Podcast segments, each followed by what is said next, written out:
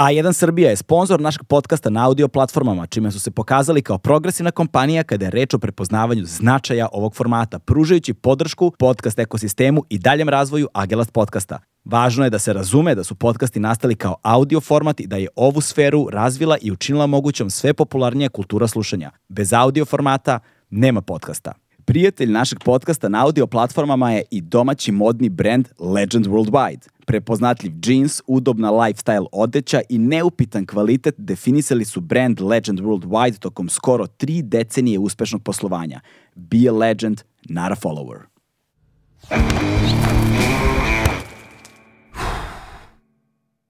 Hmm.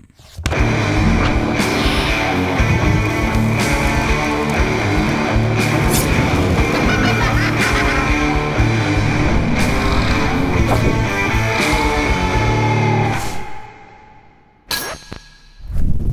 Naša nova gošća je Maja Todorović iz Kjerdo. Ona je polusrpkinja, poluperuonka, predsjednica Srpskog, peru, Srpskog peruonskog društva i pored toga aktivno se bavi ne samo antropološki i etnološki, dakle kulturama indogenih plemena iz gornjeg toka sliva Amazona, i već i medicinom koja, je, koja postoji u njihovim ritualima već hiljadama godina. Prevashodno govoreći ovde o ritualima ayahuaske i sličnim. Ali ono što se dešava jeste da se ti uh, da se, da se ti rituali, da se te psihoaktivne substance danas, nakon mnogo godina stigme, najzad koriste i u naučne svrhe. Više o tome u razgovoru koji sledi. Naša sledeća gošća, Maja Todorović iz Kjerdo. Uživajte. Majo, zdravo. E, čao. Hvala na pozivu. ovaj, pazi, uh, u ovom poslu koji ja radim uh, postoji jedna stvar koja može bude mač sa dve oštrice, a to je priprema. Postoje mm -hmm. ljudi uh, sa kojima za koje je priprema neophodna. Kada, pripre, kad se pripremaš za razgovor, dakle, neophodno je da znaš što više da bi razgovor imao smisla i da bi mogao da ga konstruktivno vodiš i tako dalje. S druge strane, postoje ljudi sa kojima je priprema negativna stvar zato što gubiš autentičnost prvog slušanja i autentičnost prvog pričanja. Mm -hmm. Posebno u pripremnim razgovorima. Znači, on sam ja zapravo shvatio, u tom slučaju je ovaj drugi primer. Da je bolje da se, nikad, da se ne vidimo do našeg prvog susreta koji je sada, da, ovog momenta. između, između, između ostalog, da. Da bi zapravo, jer sve ono što sam ja negde dotakao s polja -hmm. ovaj, su obrisi vrlo zanimljivih priča koje želim zapravo prvi put da čujem za, o tebe. Okay. Tako da, uh, jedva, baš sam se radovao ovom razgovoru, pravo ti kažem. Ovaj, sad za, za ljude uh, koji te ne poznaju, a, ti se prezivaš dakle Todorović iz Kjerdo mm -hmm. ovaj, i tvoje poreklo je poluperuansko, polusrpsko, tako, tako? tako, tako je, da, da, da, da. da. Ko je, s koje strane? A, tata je Srbin, Aha. a mama je peruanka. Wow. A, mislim, to ono što je zvanično, jel, ali da. mislim i sam znaš koje su sve mešavine, uvijek su bile migracije ja u svetu, tako da, tako da sa mamine strane to su i španci, konkvistadori, da. portugalci i a, indigeno stanovništvo iz plemena Vahu, Našaninka, Šuar i tako mm. dalje i tako dalje. Jel? Mislim, ko zna ko još, mislim što ne znamo, jel? što se da. tiče tate, kao Srbija, ali da. evo i poslednje istraživanja govore o tome da većina zapravo stanovništva sa teritorije današnje mm -hmm. Srbije, odnosno Balkana, zapravo dolaze sa Bliskog istoka. Da. A sad? Ne, jednom prilikom smo dogovarali, istina, jednom prilikom smo dogovarali snimanje nekog dokumentarnog serijala u, u Peru. Aha. Ovaj, davno je to bilo. Uh, nažalost, zbog prirode serijala nismo prošli za tu firmu tak, kada smo radili ranije, nismo prošli takozvani risk assessment. Aha. A najveća prepreka za pravljanje tog procene rizika za snimanje jeste, tad sam se shvatio to da mi nemamo ambasadu u Peru. Nemamo. Nažalost, ne postoji naša, i ne postoji peruanska ambasada ovde. Ne, tako, da. ne, ali zato postoji udruženje koje ja vodim. da, zato, ti, zato i pominjem, da, da, da. Da, da, da, da. Dakle, to je prvo udruženje tog tipa, to je udruženje Srpsko-peruanskog prijateljstva. Tako da smo mi na neki način predstavnici m, države Peru u Srbiji za sada, međutim izabran je sada počasni konzul konačno, a, tako da ne znamo kada će zapravo konzulat početi sa radom, ali koliko da. je meni poznato i ambasada će započeti možda za jedno, dve do tri godine, zavisi. Wow, sjajno. Tako da to, to će biti super stvar, da. odlično, odlično. E, ovaj, u okviru uh, peru, srpsko-peruanskog prijateljstva, ne samo ne, uh, udruženja, jel te, srpsko-peruanskog mm -hmm. prijateljstva, ne samo, i ne samo toga, ti se baviš nekim vrlo zanimljivim stvarima. Uh, što antropološki, etnološki, a boga mi i naučni, naučni istraživački radovi su u toku, o kojima ćemo govoriti. Imam još niz gostiju koji treba da ovaj, mm -hmm. budu tu u skorije vreme, nećemo da ih pominjemo sada, da, zato što znam šta se desi. Pomenem i onda mi ljudi dave narednih meseci dok se ti ljudi zapravo ne da, pojave. Da, da. A, a, a najgore bi bilo da se ne, ne pojave iz da, nekog da, da, razloga, šta onda? Da, da, A, a i ti znaš ono, ovaj, kakva je priroda tih ljudi. Tako je. O, otvoren je poziv. Onda bolje da ne pričam. Ništa da ne pominjemo, tako je, da. Ali reci ti bolje o čemu se radi. Zapravo, mm -hmm. a, čime se ti sve baviš? Uh, čekaj. Odakle da počnem? Hmm.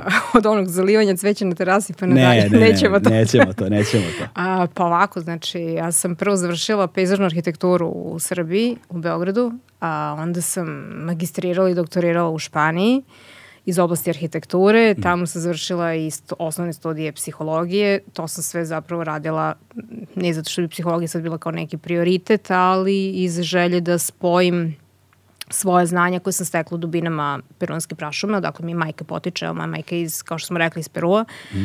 ali ovaj, rodom je svi unazad ko zna koliko generacije su iz takozvane selve, što mi kažemo selve, odnosno prašuma, uh, Amazon, jel, Amazonija, uh, to je gradić uh, Mojobamba, koji je glavni grad tog regiona San Martin, koji zapravo spada u takozvanu visoku džunglu, mm -hmm. mesto gde se spajaju Andi i Amazon. I pošto sam ja čitav svoj život od detinjstva živela između ono beogradskog asfalta, jel? i peruanske džungle, odnosno amazonske džungle, do duši lime, koju ne volim, ali to je sad druga stvar. To je druga priča. To je da. druga priča, da. Ove, i, I imala tu mogućnost da živim i sa autohtonim plemenom Mašaninka, koji mi je značajno promenio, da kažemo, ili me probudio, mm. ili probudio neke stvari, ja zaista verujem da preci žive u nama, jel, pa da je to, nije bilo ništa novo, jel, kao u smislu nekog otkrića, ali je bilo podsjećanja, je tako kažem. Mm. Ove, ovaj, I Eto. Kako je, kako je izgledalo zapravo uh, to odrastanje u ta, tako dva različita pola? Ono? S jedne strane, beogradski asfalt u periodu u kojem je bio Beograd ovde da. i s druge strane Amazonija. Aha komunistička Jugoslavija i Amazonija. Pa, znači, ja, uvek, ja uvek govorim ono kao moj život između komunizma i šamanizma. Jako šamanizam nije adekvatna reč, ali, ali, ali... Ali ni komunizam ni šamanizam, da, ali da, to, da, je druga, da, to je druga da, tema opet. To je druga tema, da, da, da, totalno.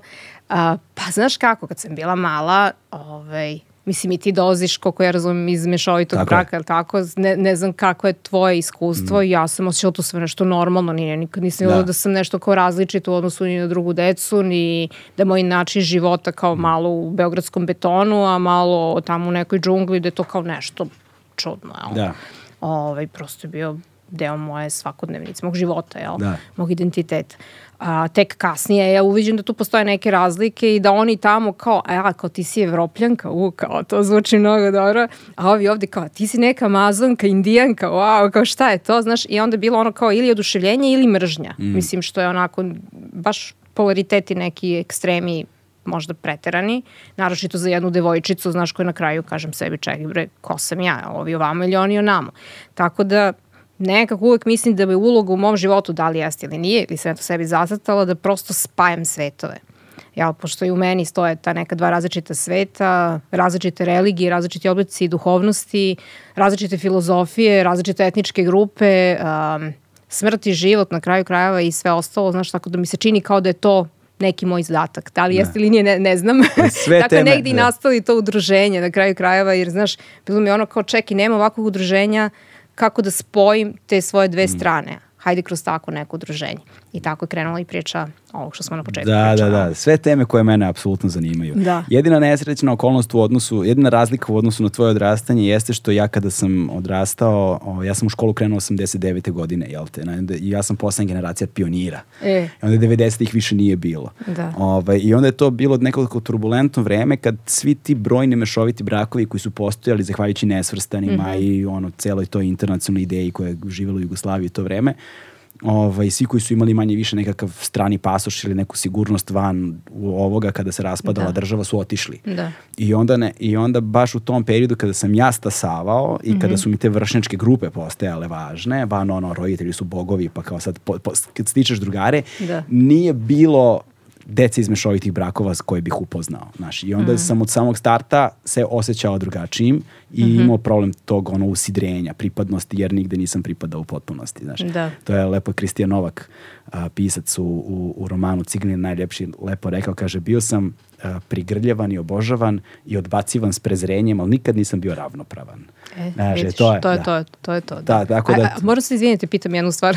Znam da si ti ovde da mene pitaš, a ne ja tebe. Nema veze, razgovaramo, ovde smo da razgovaramo. Da, ali je strašno zanimljiva jedna, uh, jedan fenomen. Ove, obično deca iz mešovitih brakova, kao što smo ti ja, imaju potrebu da se identifikuju samo sa jednom kulturom. Recimo, kod mene to nije slučaj, mm -hmm. da, da. ali kod moje sestre jeste. Da, Znaš, da. ona je ono, Srbija, pravoslavlje, i tako dalje i znam druge neke koji su isto tako sa odreden prema jednoj ili drugoj strani. Jel, da li kod tebe to postojilo ili... Ne, ovaj, kod mene nije. Uh, kod mene postoji još jedna tu začkoljica, sa se ja stalno zezam, ovaj, jer uh, u isto vreme je građanski rad počeo ovde hmm. i isto vreme je građanski rad počeo u Somaliji. Ozbiljno. Ja sam poreklom iz dve zemlje i obe zemlje su pale u građanski rat u isto vreme. Tako da, ono, Znaš, kao, to, je, to, je, to je baš onako baksu za jedan, znaš, kažem da su te dva porekla, da, dva života, da, to da, znači da. živiš ceo život sranje, umreš, rodiš se i opet živiš sranje, znaš, da, kao. Da, da. Tako da, ovaj, u tom nekom pogledu sam nekako bio zarobljen između svetova, mm -hmm, znaš, mm -hmm. i mešoviti brak iz kog ja dolazim je vrlo specifičan zato što je mešoviti konfesiono i verski i rasno. Mm -hmm. Znaš, i, ovaj, I nekako ostaješ zaglavljen između svetova. Dobro, kod mene to isto da, priča da, u suštini. Da, da, da. I, I jedna i druga strana od tebe zahtevaju određenu vrstu mm.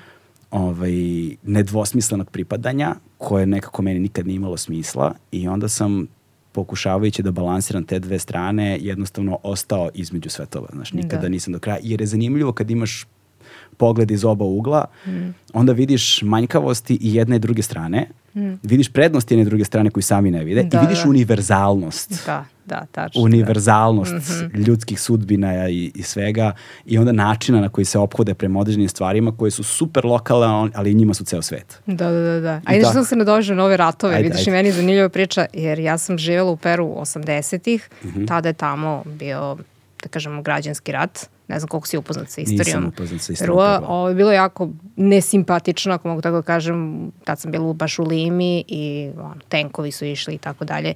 Mislim, priča je o mm, ratu između vojnih i paravojnih formacija.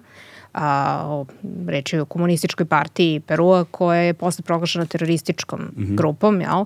A, koja ono jednim delom možda to jeste bilo. Oni su dakle prvi bili koji su se zalagali za prava indigenog stanovništva, ali što normalno vlastima nije odgovaralo jer su bili pod uticajem, odnosno ne pod uticajem, nego pod nadzorom Sjedinje američke država, mm. CIA koja je tada bila tu poprilično prisutna, jel? I m, tu su bili takvi konflikti da to bilo onako zastrašujuće. Znaš, i onda od svih tih bombi i čuda dođemo u Beograd 90-ih i onda 99. kao čekam bombardovanje u Beogradu i onda kao čekaj, ja moram da mnogo volim bombe, kao gde god ode. da, da, Eto ih da, tu da, su. Da. da, da. Tako da potpuno razumijem tvoju priču, mislim, jako Da, ali se, ali se hvataš za ono, ali onda primetiš u svim tim razlikama tu univerzalnost. Apsolutno. I to, I to, to vidiš na kraju među svim narodima i svuda je ista priča na kraju krajeva. Potpuno isto, da. potpuno isto. I onda kad putuješ zapravo i kad odlaziš po ruralnijim mestima, mm. gde sam ja obilazio dosta, zahvaljujući poslu, a, gde god da odeš, ti zapravo kad upoznaš stanovništvo koje živi tu lokalno, ti shvatiš da svi imamo iste potrebe. Mm. Iste potrebe imamo. Daj da mogu da radim, da zaradim, da stavim nešto sa strane, da obezbedim decu, da mogu da se školuju, da imam zdravlje, mm. da imam ono mogućnosti koje... I to je ono što nije samo sad, u ruralnim ili urbanim mestima, da. to je kroz čitavu istoriju Tako ista priča, nikad se ništa nije promenilo. Ništa, ništa. Samo tehnologije. Tako je. to je to. I politika. I poli, ma, mada ni to. Mada mislim, ni to, uvijek, da. uvijek su bili kao robovi i robovlasnici, to je, da, to je priča. Da, da, da, ali mislim to, da, Samo instrumentalizacija menja, populacije, da, da, da, to, da, je, da. to je to. U tom kontekstu, Ove, ovaj, da. E sada, um, kako si rekla da se zove uh, pleme iz kojeg, su, iz kojeg je tvoja majka? Aha, a, pa vidi, tu ima više plemena, više plemena jel, da. sad nešto s mami, nešto mm sa mhm. babi, nešto sa dedine strane, jel? Mislim, deda bio baš, da kažemo, autohton, što bi rekli, Ove, ovaj, baba ne.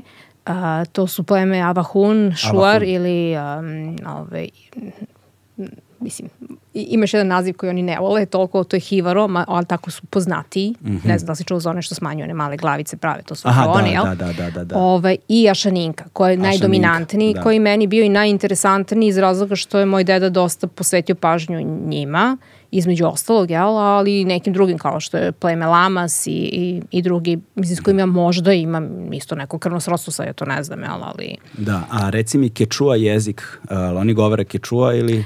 Uh, ne, oni govore ašaninke. A, da. Oni govore aravak jezik. Aravak. Postoji 47 jezika, mm -hmm. uh, trenutno zvaničnih, a ove, znači ne lingvistički grupa, nego baš jezika različitih, uh, ne računajući španski, koji da, da. bio konkistadorski, ove, ali danas zvanični. Um, ranije je bilo 200 nešto jezika, međutim sa dolazkom hrišćanstva i španaca, portugalaca i ostalih, došlo je do ubijanja jezika, jel, odnosno celokupnog identiteta. Odnosno, trudili su se da ubiju identitet mm -hmm. maksimalno koliko mogu. To je naravno preko jezika broj jedan, pa onda kultura i duhovnost i sve ostalo. Tako da, eto, ali 47 uprko celoj toj priči nije mali broj kada se pogleda recimo šta se desilo u Severnoj Americi što svi znamo, ja mislim to je bio takav genocid da je to zastrašujuće.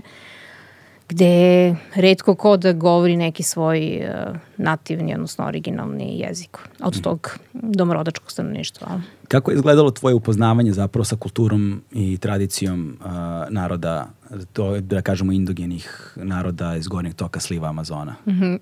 Pa znaš kako, sam se prvo upoznala kroz priče mog dede i kroz priče moje majke. Moja majka je stalno bila u svemu tome, inače ona je ovde, da kažemo, je jedan od pionira u formiranju ovaj, katedre za uh, iberijske studije, odnosno bavila se... Na filološkom. Na filološkom, da, da ovaj, predavala je latinoameričku civilizaciju i kulturu, tako da I ona stalno pričala o svemu tome i stalno se spominjamo i dede i onda uvek kada vidim dedu, on je uvek pričao o, ja, o indigenom stanovništvu, to je bila tema broj jedan, jel?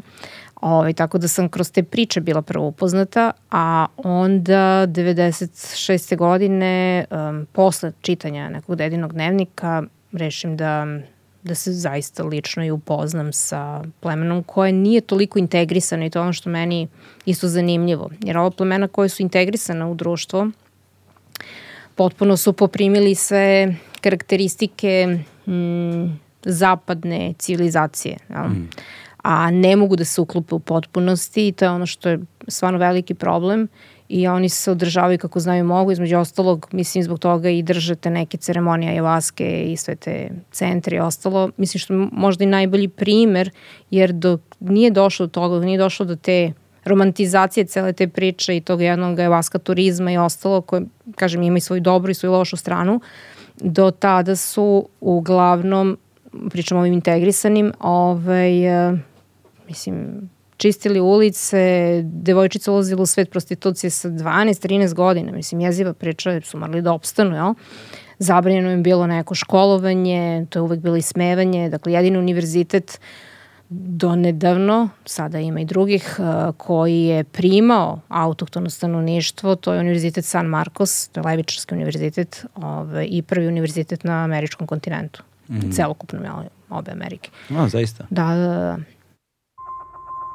A1 je prvi prijatelj audio izdanja Agelast podcasta.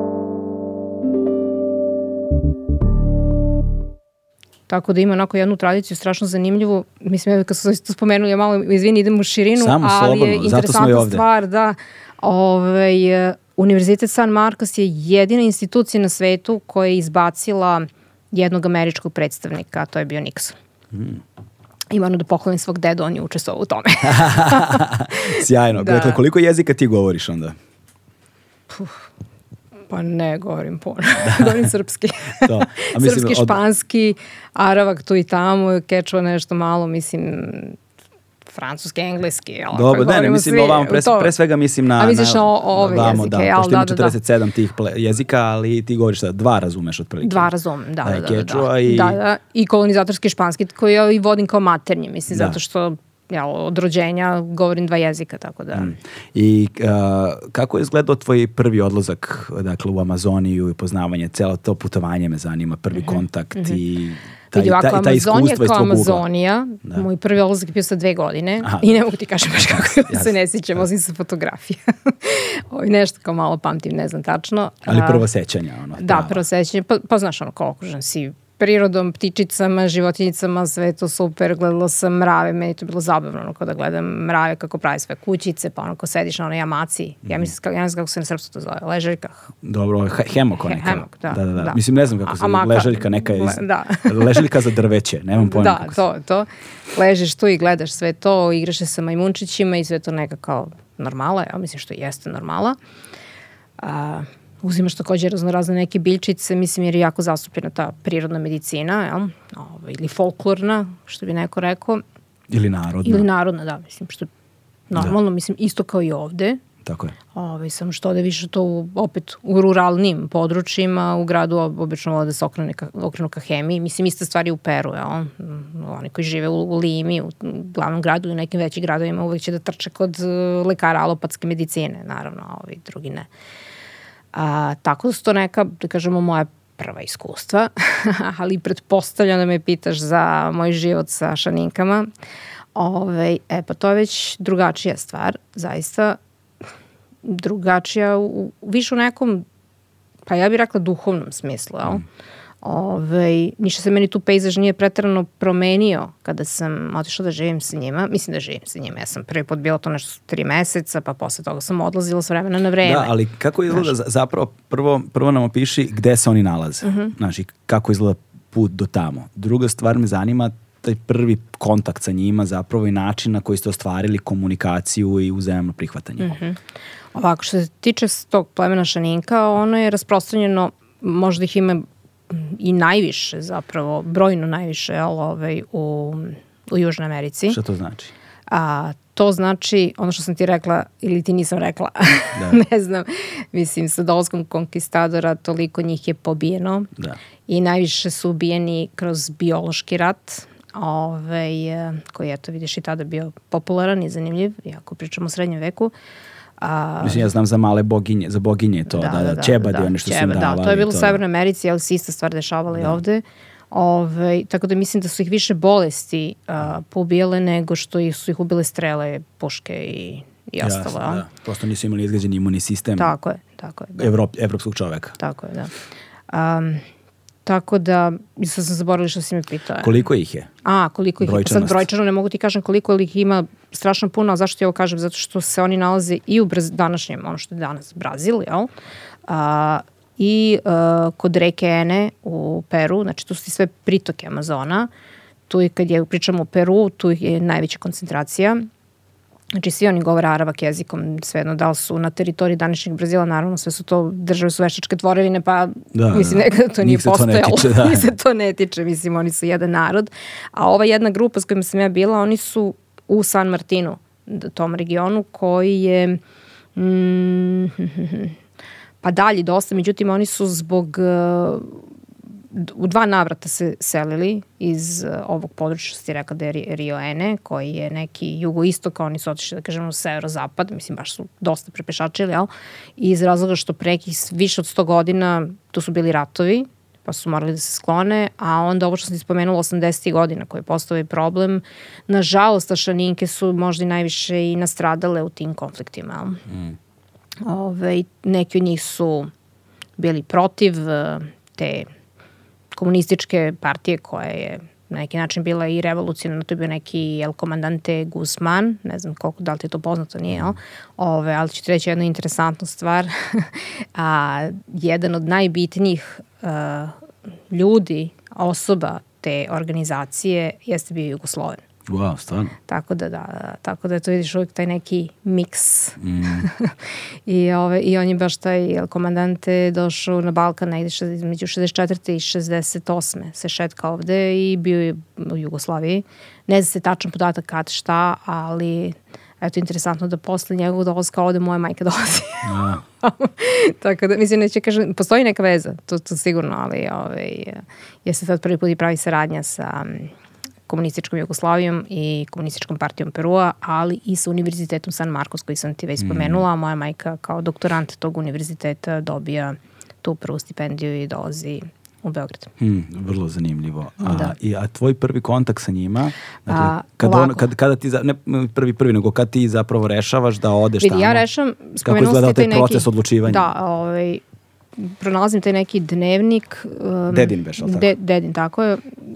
Znaš kako, u Peru upravo zbog svega ovoga što se dešavalo, postoji ta neka stigmatizacija autoktonog stanovništva i sramota je kad si malo tamnijeg tena ili imaš fizionomiju nekog iz Amazonije ili sa Ande ili dakle god, znači kad si autokton to je sramota i dan danas.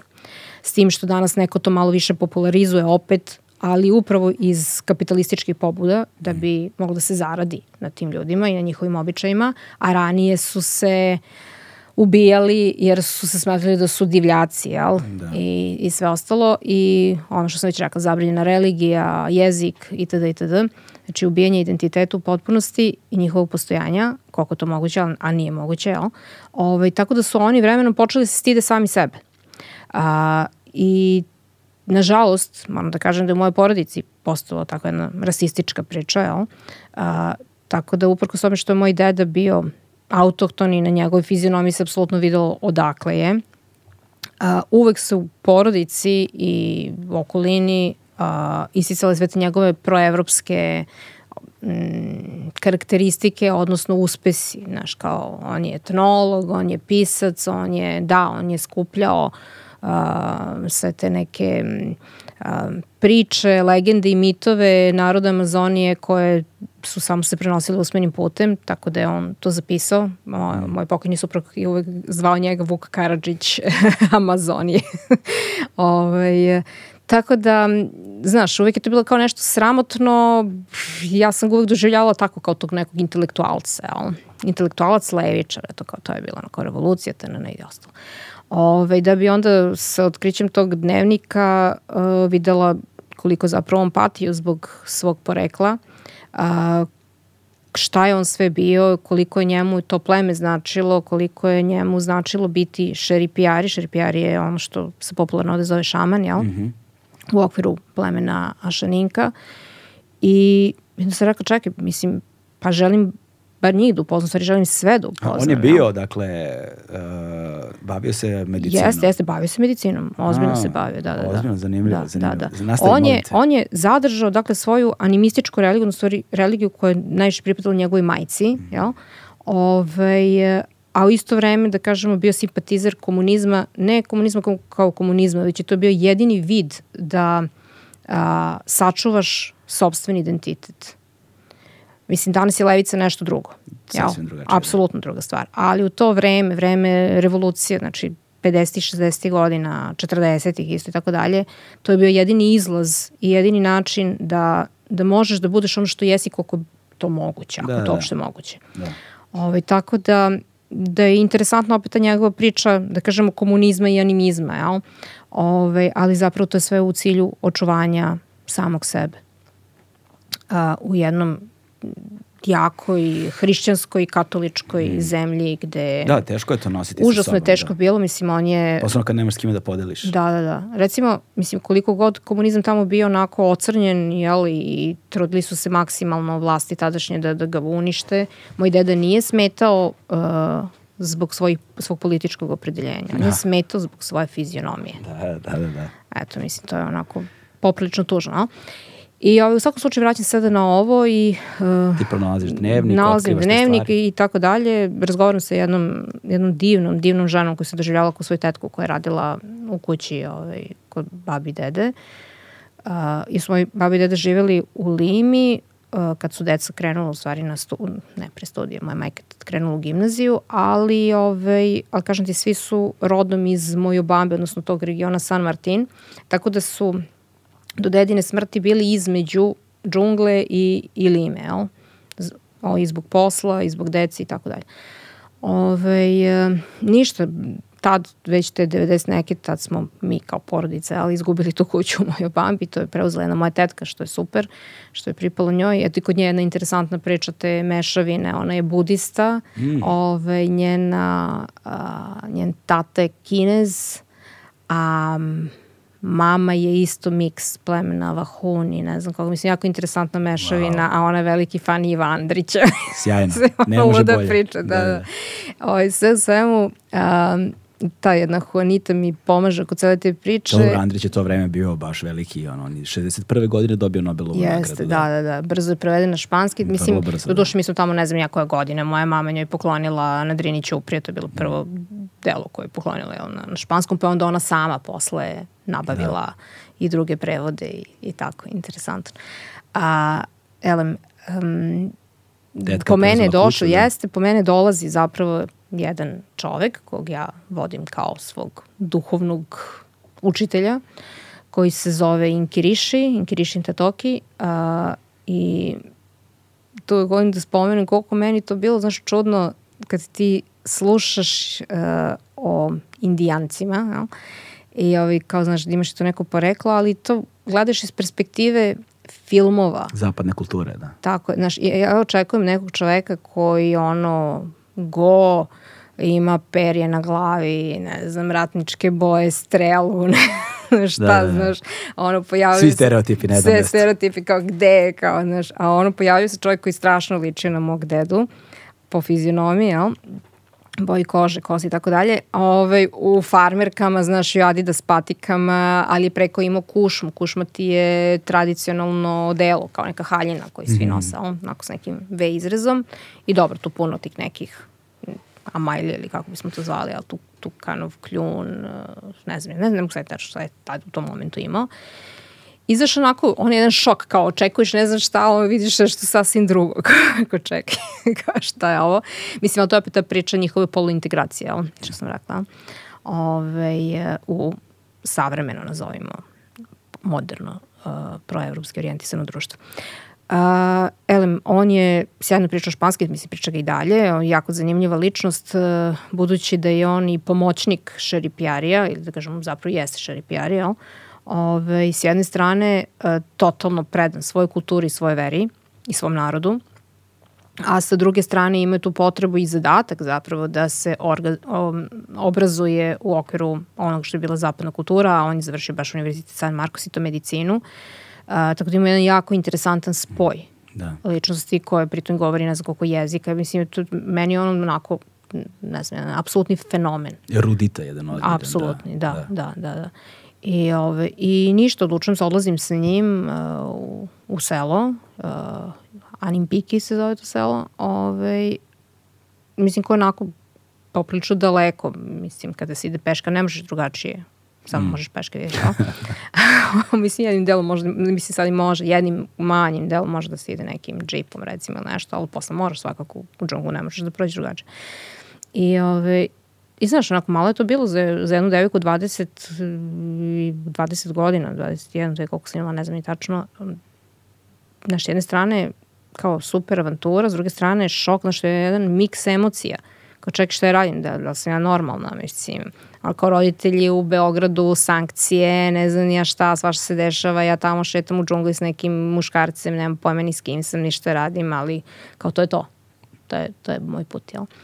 I stvarno ispalo sve sjajno, da je lako, Koliko nije lako. Išli? To je znaš kako ti u jednom momentu potpuno izgubiš pojma o vremenu, mm. ne, ne znaš, mislim i to ti je vreme kada naravno nisu postali i mobilni telefoni i ostalo da. čuta.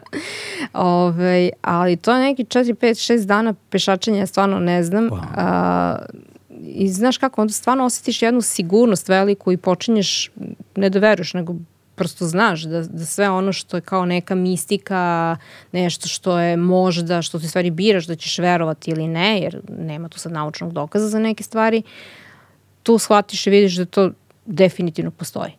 Jel? Od toga, od prvih nekih stvari gde on ovaj, crta ovako nekim štapom krug gde ćemo mi spavati, odradi jedan ritual gde ćemo biti zaštićeni, ti spavaš u sred džungle, mislim da ima puno raznih zveri.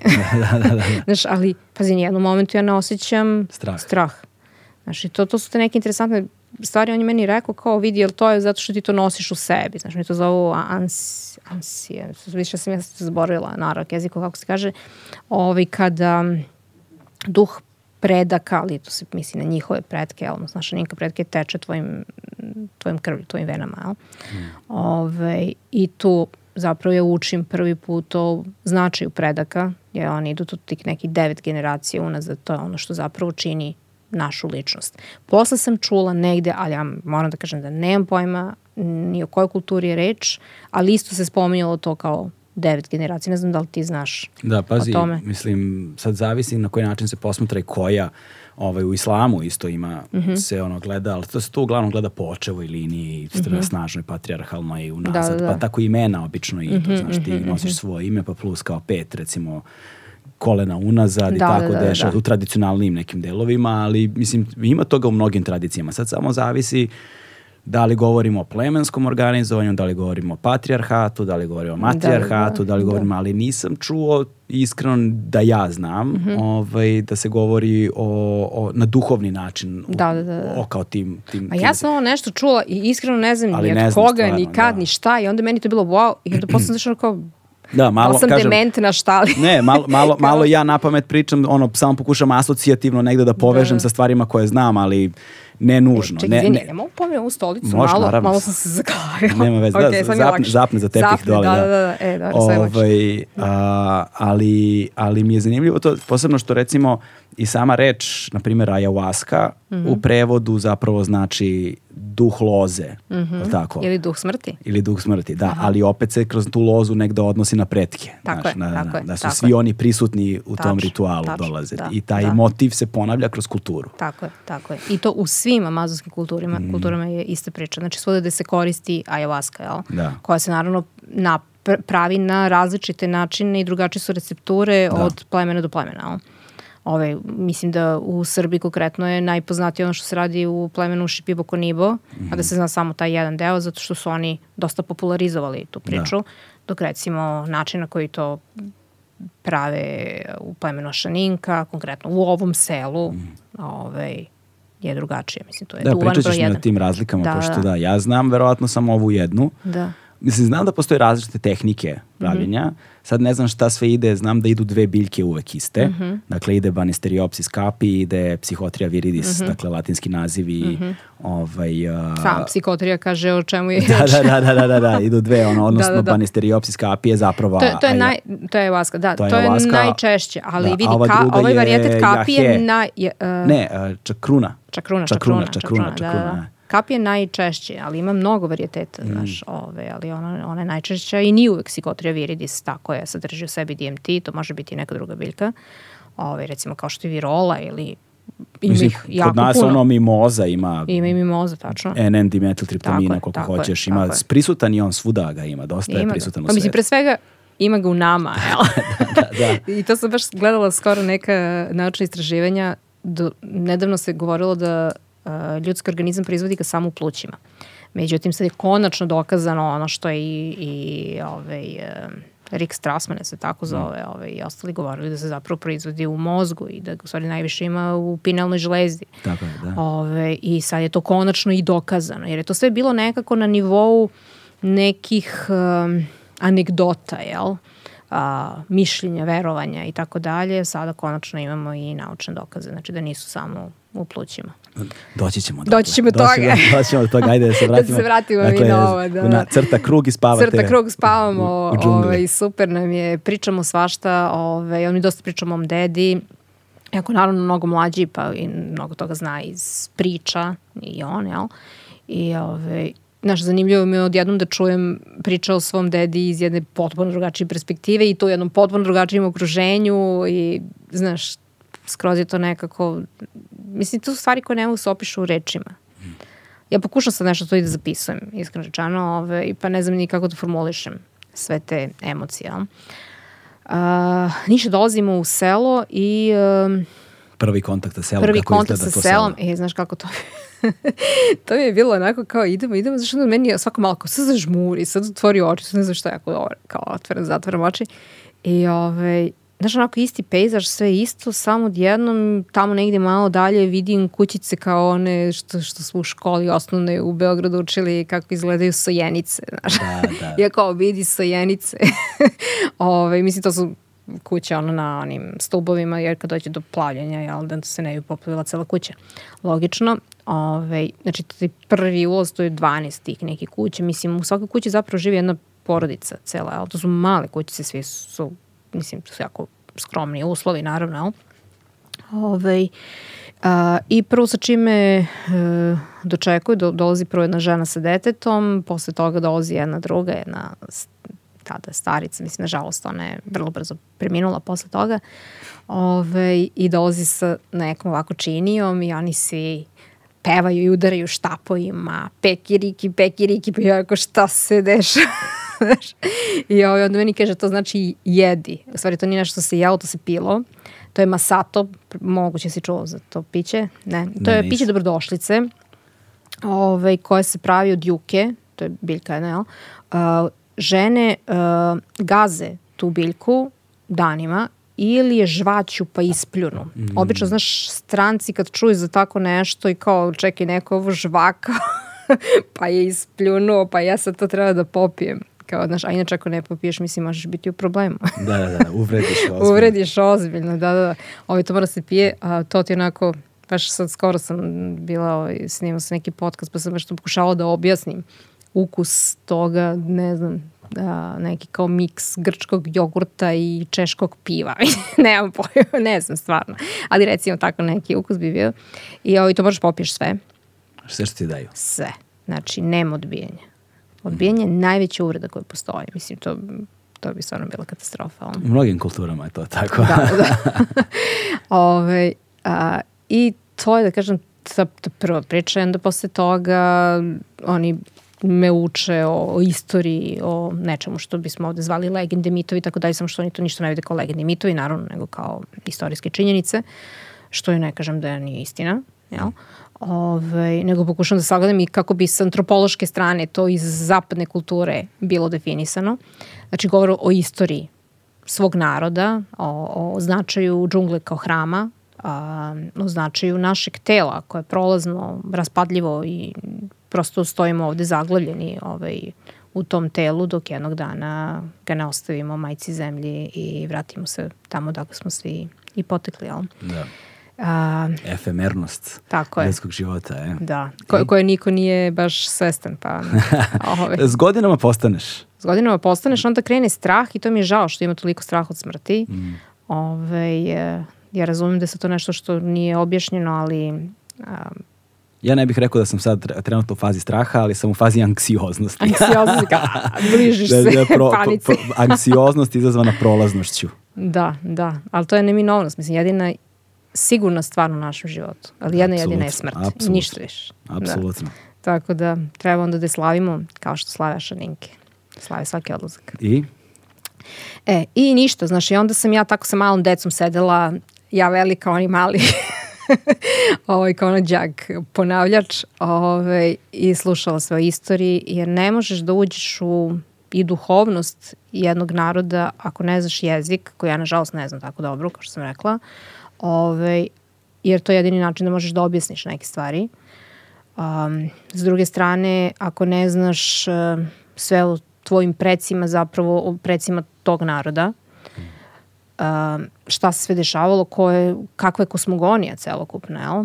i sve ostalo i to je pravo, ono što često slušam te priče New Agera, iniciranu šamanizmu ovamo namo, držao dijetu 5 dana, popio mm. je vasku i sad ja ne znam, neki sceliti, nemam pojma šta je, mislim, ne kažem da nema ljudi koji su daroviti, jel, imaju neke sposobnosti, naravno da ih ima i uvek ih je bilo svuda na celoj planeti, ali, ove, ali to nema veze sa kulturom, tako da sve to prisvajanje kulture smatram jednim etnocidom. Mm. Um, ni, ništa drugačije od onog što su konkvistadori radili. Jel? Ove, ali dobro, to je druga tema. I dakle, kada se završi sve svo to učenje um, i prilagodiš se jednoj drugačiji ishrani, mada, kažem ti, mnogo tih stvari od te juke, mada Masato sam sam tamo prvi put probala, jel? ne znam, čiće, ne, ne znam znaš što či, čiće morada, uh, čića ti je uh, piće od kukuruza. Ono je više, pošto moja bamba, odnosno ne moja bamba, nego San Martin se nalazi na toj visokoj džungli, čića je baš karakteristik, karakteristična za Ande. Znaš, više ima nego što ćeš vidjeti tamo i Kitosu i tim nižim delovima, jel? Ove, to se stalno pije, to je jako zdravo piće. Ja to ono, često donosila ovde, onako, mama ja strpamo našu kofer, onako, to, to ti je crni kukuruz i tog crnog kukuruza zapravo pravi ta pića, možeš pravi alkoholno piće. Da, fermentiš. Tako da fermentiš. Ima da. šećera, da. Mm. Ove, ovaj, I svašta još nešto, naravno. Tu je prisutna i koka i onda svi mene, znaš, kad pitaju nešto kao, kad si krenula sa medicinom, med, medicinom, kao naravno medicinom, pa mislim, od kad znam za sebe, ono, kao uzimala sam nanu ovde i uzimala sam koku u Peru, mislim, meni muka šta radi baba napravi čaj od koke, o, baba srpska napravi čaj od nane, mislim, i to je to, jel? Mislim, kao jedna totalna normala. Ali eto, nije baš se, isti sastav, ali... nije isti sastav, mislim, ali isto delo. Mislim, yes. prođete mučnina stvar. da, da, da. Ove, tako da, obe biljke sjajne i jako ih volim, jel? A, naravno, jedna i druga mogu biti otrovi, što znamo. Jel? Otrov zavisi od doze. To me naučio profesor Radiša Jančić sa farmaceutskog fakulteta, bivši šef katedre za botaniku. Da. Ovaj, to, me, to me ono čega že otrov zavisi od doze. Pa vidi, sve biljke je leče i ubijaju. Da. Tako da... Eto, sve na svetu. Na sve na kraja. svetu. Ako popiješ dovoljno vode, umrećeš.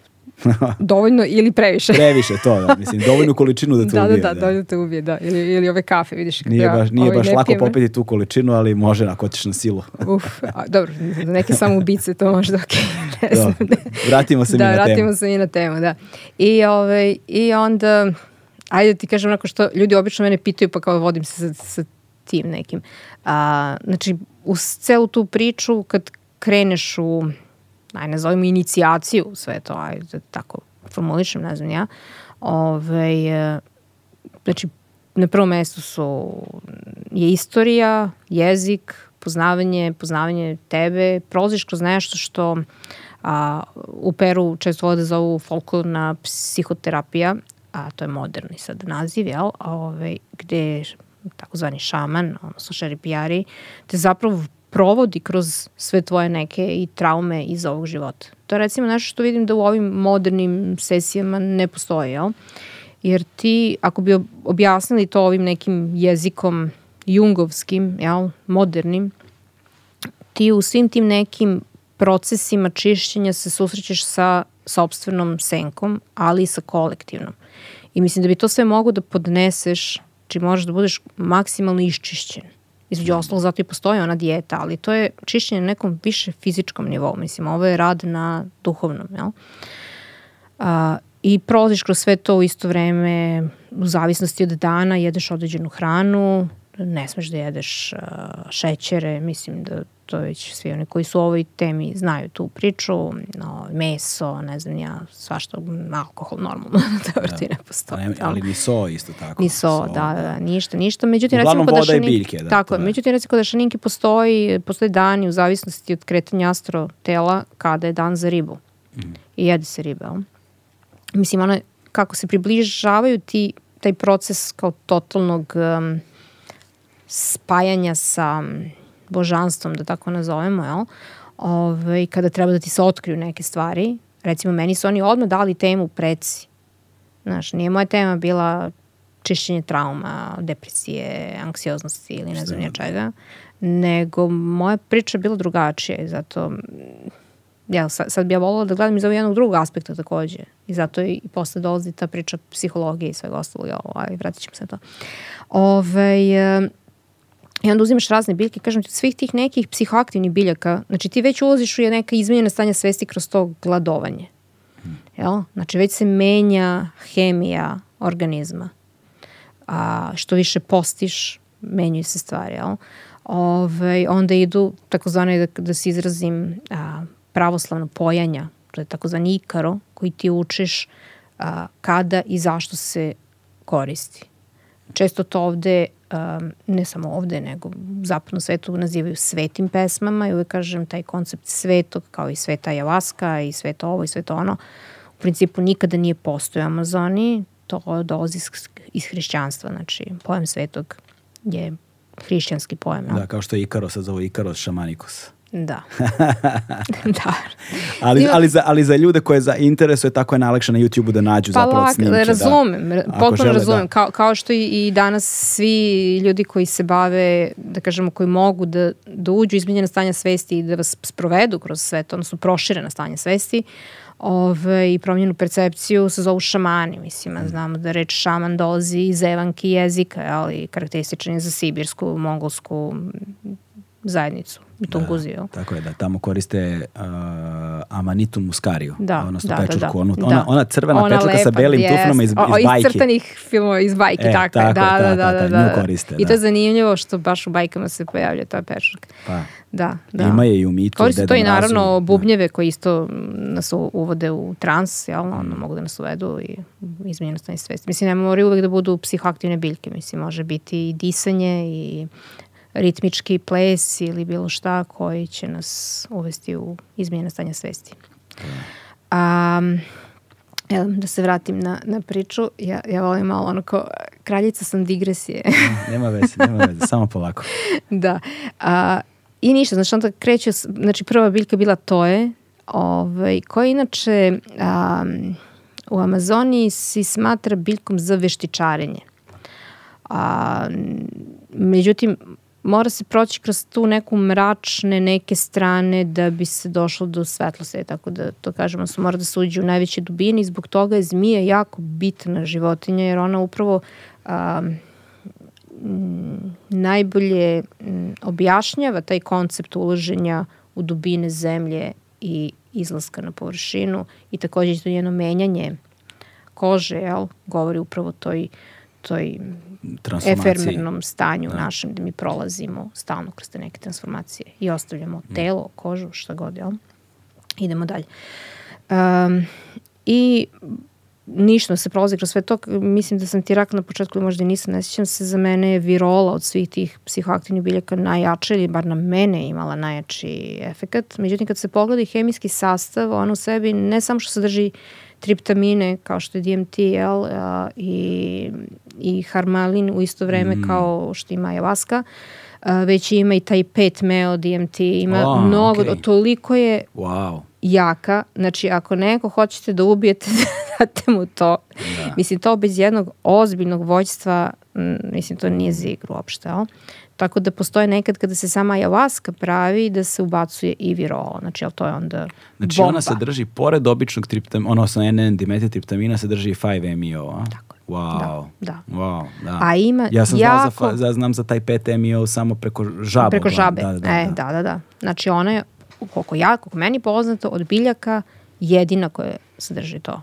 Ja, wow. Mislim, pošto često se uvijek pričalo, kad se pričalo o hemijskom sastavu, uvijek se pričalo o žabi. da, da, da. Kao da. ovaj, o, ali ne. To je najčešće, I virola. to je zapravo najčešće. najjače, da, da, da, da, da, najčešće, a ovo je najjače. Da znači, da kažemo i... stvarno je, stvarno je Amazonija ono, kako se zove, pluća planete. Da, da, da, da, da, Biljne da. vrste, flora i fauna tamo, jest, to, je, jest, to jest. se nigde drugo I uvijek volim da nas spomenem zašto su pluće planete. Pa nije, nije zbog biljaka zapravo i tog kisonika, jel, nego kisonik zapravo proizvode planktoni, odnosno okeani, voda, mm ali Amazonija uh, stvara jako veliku, za kišne šume, ali stvara jako veliku količinu vode koja se posle uliva u reke i, i, ovaj, i okean. Pa se zato i mm. naziva a, plućima, ali pravo pluća su okeani. Da, da. ali ne o, I da, i ništa, znaš, uh, tako da najjače, što bi rekli, halucinacije, vizije, mislim da pravi naziv, jesu došli sa virolom, jesu sa tojem, jel, daturom i tako dalje. Ove, ali... Aha, i datura se koristi tamo da, da isto. Da, da. E, datura inače, da, a, isto spada u grupu tih mračnih, da, da, da. nazovimo mračnih Mislim, kod nas isto. Da, da, da, kod da, nas, da, kod nas da. bi ljudima najbliže asocijacije bile bunika, tatula, da. Uh, redka biljka koja se zove beli, beli bun. bun tako da. je, da, on je redak. On je zaštićen, tako, tako je, da, da. on je zaštićen, da, da. Mm beli bun i tako, to su, to su sad neke biljke, da, ono, tropin beladona. Da, da, da, da. Pa, mislim, ako bi pogledali šta sve ima na Balkanu. Odnosno, ovde, tu je aktivni sastojak skopolamin. Skopolamin mm. koji se koristi u različitim kulturama, da. da. U Latinskoj Americi ga još koristi, ga nazivaju, šta mu je nadimak? Đavolji dah. A, đavolji dah, tačno, da, da, jeste, da, da. Jeste, da, da. Prilično ubitačno jeste, da, da. da. Tako da, da sve te biljke i svi ti, zapravo psihodelici su mač sa dve oštrice, um, i, ovaj, i svakako nije za svakog. A zanima me, pre nego što sad zaranimo dublje u tu temu, mm -hmm. sa, samom, samom, samom, samom plemenu, dakle, kakva je priroda njihovog jezika? Kakva je, kakav im je jezik? To me zanima. Ono, ono malo što si ti razumela mm -hmm. i znaš. Mm -hmm. S jedne strane, s druge strane, zanima me kakva im je društvena struktura, hjerarhija. Sigurno značajno od udara od onoga što, sa čime smo mi upoznati ovom nekom zapadnom sistemu. Znaš kako, na kraju krajeva, na kraju da. krajeva svi, svi smo isti, to ono što smo rekli, pričali da, da, na da. početku, mislim, svi nose neke iste probleme, neke iste brige i tako dalje, jel? Mm. Ove, ovaj, mada naravno da ima nekih razlika. Uh, pa jezik Aravak je, hm, mislim, ja stvarno ne znam s čim da ga poredim. Ove, ovaj, ono što je zanimljivo za sam taj jezik, a pretpostavljam da i za druge amazonske ili druge opšte neke jezike koji su nama nepoznati, uh, uh, jeste što imaju toliko puno reči koje opisuju određene stvari koje, na primjer, u srpskom jeziku ili španskom ili engleskom ili ne znam nekom drugom ne postoje. Ja uvek pravim tu komparaciju sa zelenom bojom. Mislim, oni imaju toliko naziva zelene boje i to je, znači sama lingvistika utiče na to da oni mogu tu zelenu, sve te nijanse zelenih da vide. Mm. Ja? ja sam vremenom uspela da prepoznam neke, neke, neke različitosti ja, u svemu tome ali to je upravo zbog toga što posjeduju te reči koje mogu to da opišu. Mislim, na kraju kraja kad pogledamo uopšte tu lingvistiku, mi na srpskom recimo imamo ono volim te, jel? I to je kao samo volim te, želim te nešto drugo. Ali recimo u španskom kažeš volim te, te quiero, a to u stvari znači želim te. I to je stvarno ona prvobitna emocija koju ti imaš. Tek kad dođeš do nekog visokog nivoa da rećeš te amo. Znaš, da, kao, da. stvarno volim te, jel? Celom dušom. No? Ovaj, e, ali, eto, mislim, pun, puno znači ta priča, tako da m, gramatički gledamo jako je jednostavan jezik, normalno pisma nema, mislim, mm -hmm. pa to da, da spomenem. Mislim, oni sada naravno pišu, pravljeni su neki rečnici, špansko, španski, špansko aravak, aravak španski, jel? Ove, nisu potpunjeni skroz, e, mnogo toga nedostaje, upravo iz ovog razloga što da. ne može da se prevede na španski mnogo da, toga. Za, za, ono što mi je zanimljivo u svemu tome jeste, istorisi kad se posmatra, arheolozi se puno bave time. Mm -hmm. Zanimljivo je kako se očuva, očuvaju dugotrajnosti, tradicija i naroda koji, za koje se zna da imaju jezik, ali nemaju pismo. Mm to je, to je recimo, na primjer, za vinčansku kulturu je to, mm. relativno skoro smo imali epizodu ovaj, sa Adamom Crnobrnjom gde smo razgovarali o tome i gde on je predsednik Srpskog arheološkog društva i gde kažu, kao, zna, znači on, znamo da su morali da imaju jezik, mm -hmm. ali nemamo sačuvano Nemo ništa, sačuvan. ne znamo da li je pismo postojalo, da, što da, je da. fascinantno potpuno. Yes. Ove, ovaj, I kao kako se jedno društvo organizuje i na mm. koji način dožive tako, ovaj, takvu dugovečnost, mm. a ovaj, bez pisma. Da. Što negde... Vidi, ja, ja što se ovog dela tiče moram opet da pohvalim svog dedu, to ono što sam rekao da je on zapisivao i tako da i on ima neke zapise baš vezani za šaninke, jel? Mm. Ove, ovaj, tako da se danas o tome može čitati. Uh, mislim da nije on uradio, možda bi radio neko drugi, naravno. Jasno, jasno, jasno. Ali je, recimo što se tiče izolovanih plemena, tu se apsolutno ništa ne zna. Mm. Baš se ništa ne zna.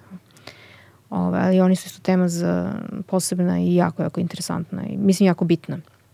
Uh, uopšteno za ceo ovaj sistem u kom živimo. Jesi imala neki barem posredni susret sa ovaj izolovanim plemenom. Da. Ne, nisam. Ne, ne. ne. Pošto mislim ne možeš da imaš kontakt s njima naravno, da. ali znam za brojne susrete. Da, da. Slučajne ili recimo stvari koje su pronalazili mm -hmm. na, na terenu, vide nešto ili ostatke strele ili ovoga ili onoga da znaju da su im to upozorenja, ok, sad smo blizu. Da, ovaj, da, ne, da. Ne, ne približavajte se. Ne približavajte se jer to je, da, da. ne približiti se njima je strašno opasno. Da, što da, ljudi ne znaju, ali da, da, da. opasni smo i mi za njih. Naravno, da. Sa, sa, Dobro, ali oni moraju da se brane, znaš. Da, da. I svi oni su zapravo imali kontakt sa belim čovekom. Mm. Ovi, oni zapravo znaju za postojanje civilizacije van. Apsolutno, da, ali vidi, oni su vide doživjeli... avione ako ništa. Da, ovisi, oni su doživjeli i znaju šta se njihovim sunarodnicima dešavalo u vreme, ne znam, kao ono, onog ludila sa kaučukom ili uopšte, znači kad su došli konkvistadori, kako su to ubistva bila, kako su to silovanja bila, kako je to užas bio, jel? Ove, da su oni odlučili, ej, nećemo bre da imamo ništa sa vama, ćao, mi se sklanjamo. Mm. Tako da nije to da su oni kao nesvesni i žive tamo negde, u, nikada nisu znali da, da postoji ova druga civilizacija, ne naprotiv. Oni su se izolovali.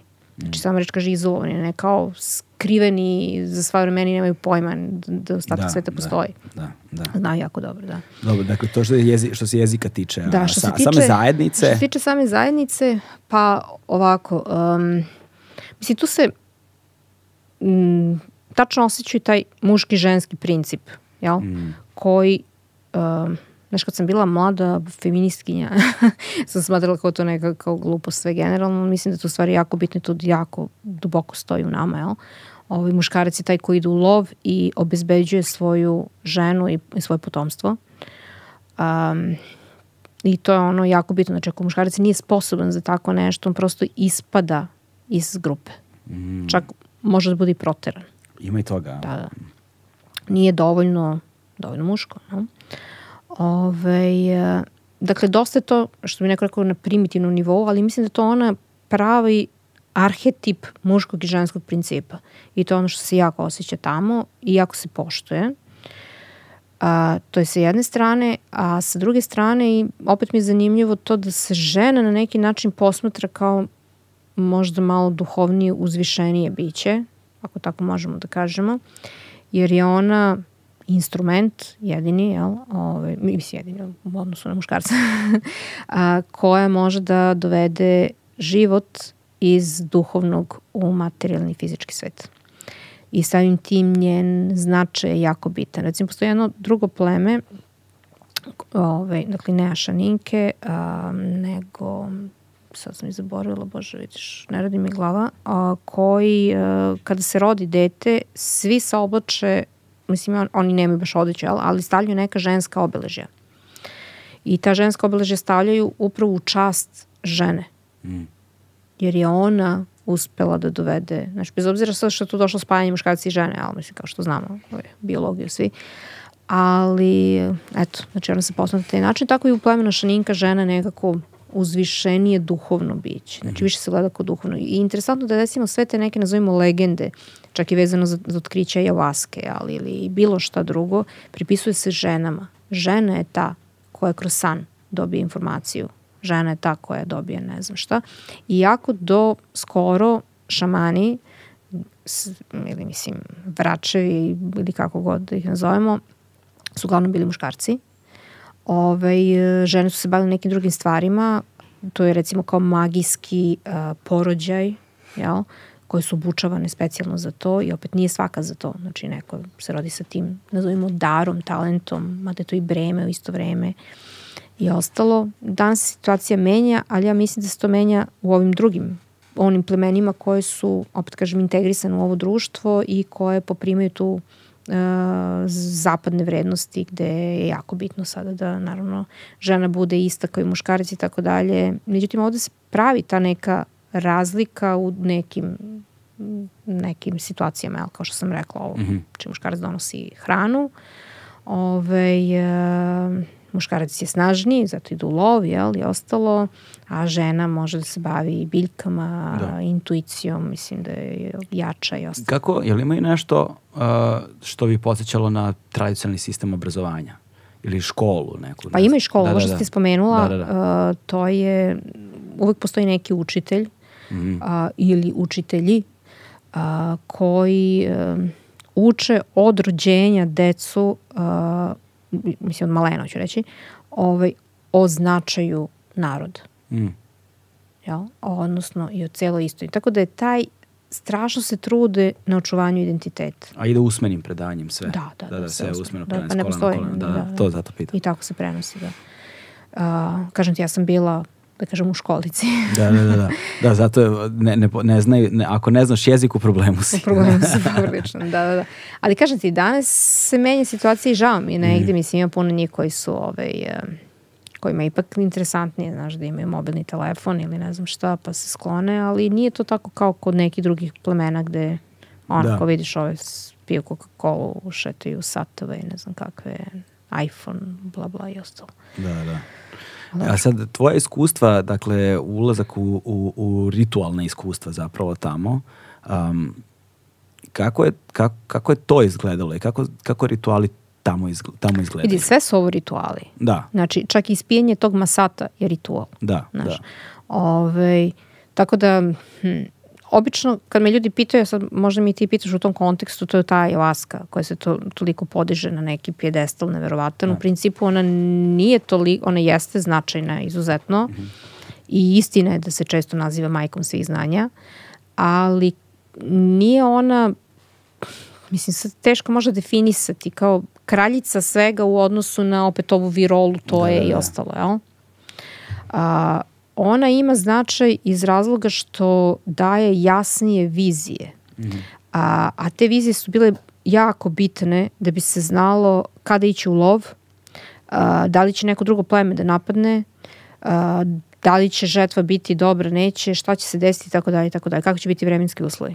Da, e, ali to je, to je sad jedna zanimljiva kategorija o kojoj ne znam puno, ali mislim da sam je dotakao u nekom trenutku istražujući te stvari. A, u zapadnoj civilizaciji, kad kažemo zapadne prevashodno, mislim na ono što podrazumemo pod judeo-hrišćanskim nasledđem, jel te, pre svega evropske kolovke, kolevke, pa onda raširene u ostatku tog sveta, um, gde kada čitaš knjiže, književnost i ono umetne, umetnost koja je bila, nije bila odvojiva davno ovaj, od obrazovanja, kao što su recimo Iliada i Odiseja su ono bile knjige na kojima se Ira obrazovalo i služile su kao književno umetnička dela. A, Biblija je, odnosno Tora prvobitna i tako dalje, nije bila odvena pre sekularizma, mm. ona je bila i zakon i obrazovanje i svašta nešto. A, u jednom, kada čitaš sve te knjige i naravno tamo je kroz srednji vek na ovamo, ti zapravo postoji motiv snoviđenja.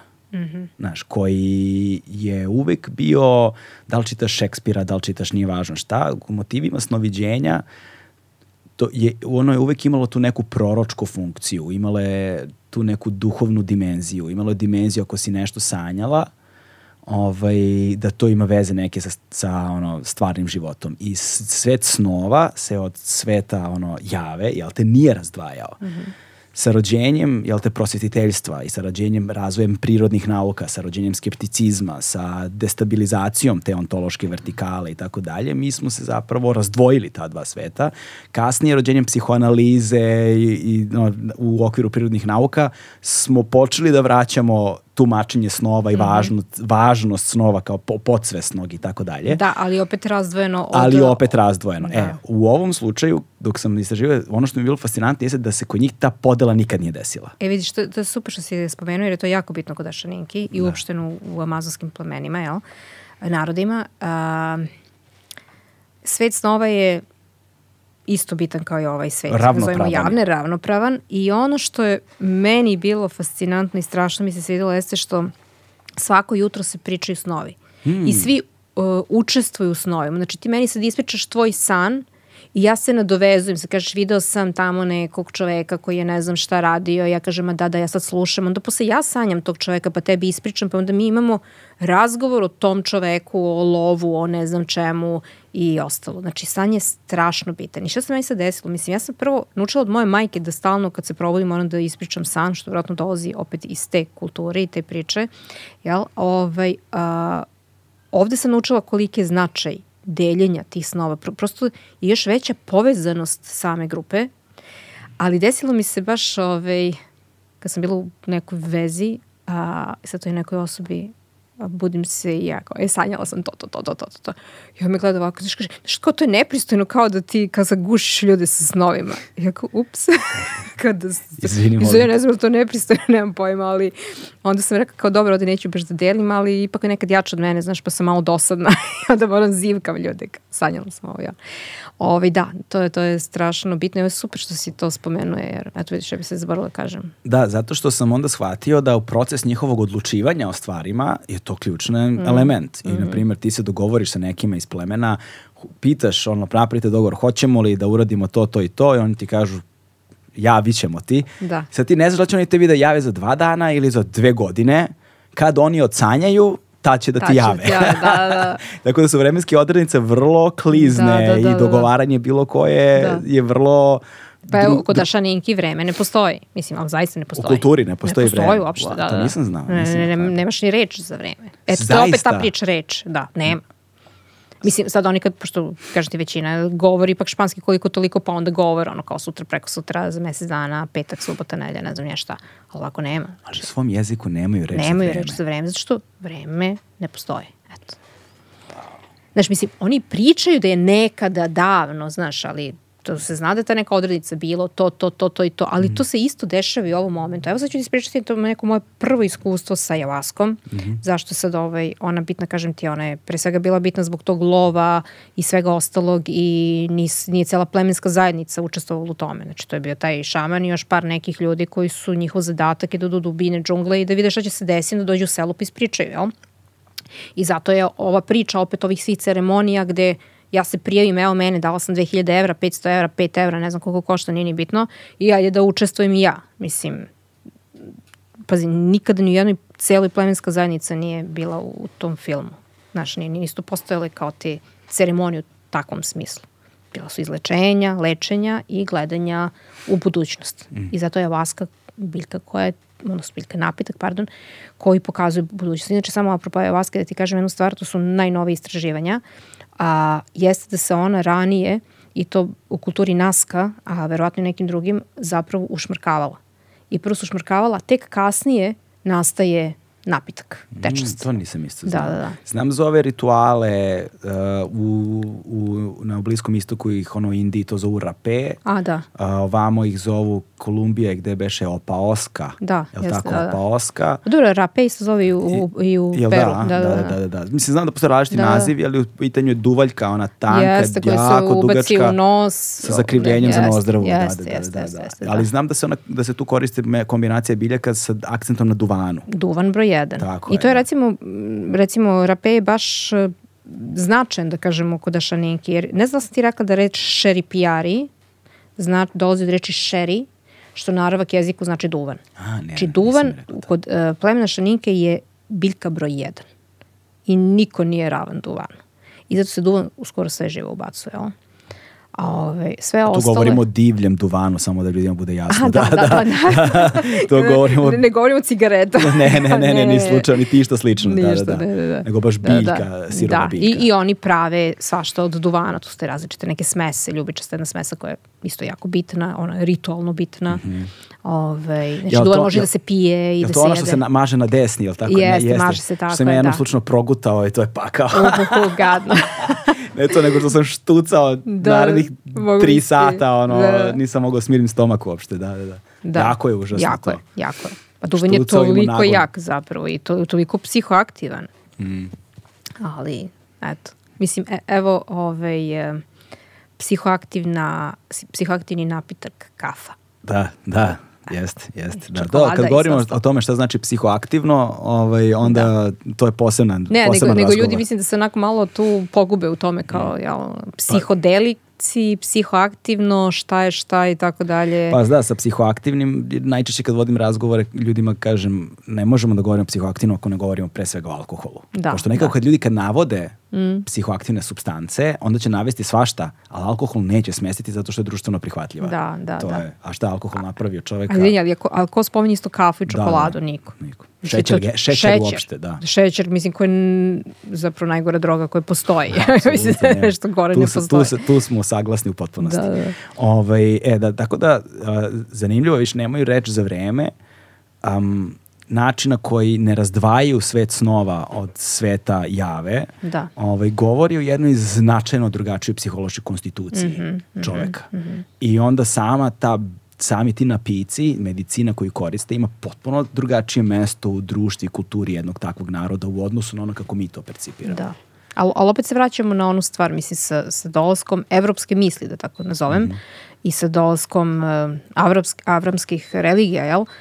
Ili abrahamskih, kako bi bilo pravilnije, uh, sve se zna, značajno menja. Do tada su i ljudi ovde živeli u svetu snova i jave, a i imali jednu psihičku potporu, psihološki pogled uh, i poimanje života koji je bio jako sličan ovome, zato što animizam je prva i ja mislim glavna i najprirodnija religija planete Zemlje. Da. Jel, samo što je to ovde sad izgubljeno, negira se, ismeva se, danas se podstiče da bi se zaradilo, da. mislim, takav miks svega i svačega da, da je to nevjerojatno. Ali da se vratimo na tvoje iskustvo, dakle mm -hmm. ti sa 20, to jednom, dve, mm -hmm. a, prvi put odlaziš tamo i koliko u tom prvom naletu, ko, srce, nekoliko meseci Tri provod? meseca manje. Tri da, meseca da, da, si tamo provjela. Da, da, da, da.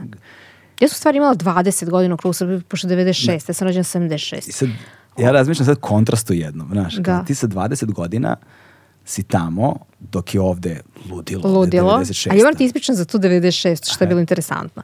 A, ja sam tamo, znači, ulazim u potpuno stanje ono kontemplacije, mislim doživljam katarzu potpuno, jel? Ovaj, vidim stvari koje su ajde kažemo neverovatne, ali su očigledno verovatne jer se vide. Uh, da bih se ja vratila u Beograd i završila na, na protestima nekakvim i ne znam nija čemu, studentskim protestima i kao čekaj. Znaš, ono, kao iz, iz jednog ovakvog sveta, iz jednog takvog duhovnog i nevjerovatnog iskustva, nevjerovatnog, mislim, nevjerovatnog, ali drugačijeg, odjednom kao ja sam na asfaltu i tamo nešto kao jurcam, urlam, Lupam. Ti kontrasti su mi zapravo strašno da, zanimljivi. Da, znaš, baš, da. Su, baš su mi zanimljivi. Kako iz ugla jedne devojke od 20 godina iz, znaš, odlaziš negde gde vreme i mesto stoje. Mm. I koncept vremena ne postoji. Dakle, i ti si dan i noć u jednom takvoj zajednici gde su svi društveni, kompletna društvena dinamika je potpuno drugačija i način na koji vide sebe i svet oko sebe u odnosu na ono kako mi odrastamo ovde. Ja moram ti kažem jednu zanimljivu stvar. Ovaj, recimo da ja slušam sad nekog da mi to priča, a da nemam to iskustvo, rekla bi, u, kakva, znaš, kako neobično i ne znam, ja sam ja ipak više odrasla u Evropi, mm. ja, i školovala sam se uglavnom u Evropi, ako sam se školovala u Peru takođe, ali opet je to školovanje po zapadnoevropskom, odnosno evropskom mm. sistemu. A, Ali meni iskreno rečeno ništa nije bilo čudno tamo. Mm. I u nijednom momentu se nisam osetila kao ja, ovo je... Znaš, kada racionalizujem, da. Kao vidi, to je u stvari kao neobično. Ali nikad nisam imala osjećaj nečeg neobično. Kao da sad meni neko stavi na Mars, ja da. kapiram da, da bi meni sve to bilo čudno, jel, od toga što, ne znam, ne mogu da dišem, pa da ne znam čega, pretpostavljam, mm. Ove, ali ovo ne. Evo, nedavno sam bila na Maldivima, ove, zbog neke konferencije, pa sam posle otišla na neko ostrvo koje ono baš gde žive ljudi autohtoni odatle, jel? Recimo, meni je to stvarno bio novitet.